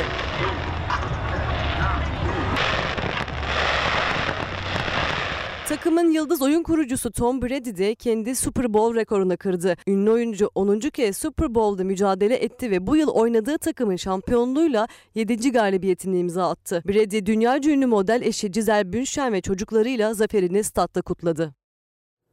Yerel gazetelerde Kayseri'den Yozgat'a doğru bir yolculuk. Esnaf can çekişiyor diyor. Kayseri Servisçiler Odası Başkanı Yavuz Ay isyan etmiş ve esnafın sıkıntılarını gündeme taşımış. Kayseri'den Gaziantep'e geçiyorum. Gaziantep Güneş Gazetesi asıllık gurur. Türkiye Büyük Millet Meclisi himayelerinde Gaziantep Büyükşehir Belediyesi ve Gaziantep Valiliği işbirliğinde 8 Şubat 1921'de Antep'e gazilik ünvanının verilişinin 100. yılı Ankara ve Gaziantep'te çeşitli etkinliklerle kutlandı. Gaziantep'e ve Gaziantep'lere buradan kutlamalarımızı gönderelim. Yozgat'a geçiyorum. Peyik depremini hatırladık. Son dönemde önce Ankara sonrasında Kayseri ve geçtiğimiz günde Sivas'ta yaşanan depremler Yozgat'tan da ilçelerinden de hissedildi. Bu depremler ise Yozgatlı'ya Peyik depremini hatırlattı. Bu arada İzmir diken üstünde sürekli sallanıyor. Bu sabahta 4.4 şiddetinde bir başka deprem oldu. İzmir'imize bir kere daha geçmişler olsun diyorum efendim. Ve bilinçli farkındalık Derya Bayram, Didem Turgut Çönkü'nün kitabı. Bilinçli farkındalık. Bir yaşam biçimi olarak felsefe, uygulamalı felsefeye giriş Doktor Erden Miray Yazgan Yalkan'ın yeni çıkan kitapları bizimle birlikte. Hamsi.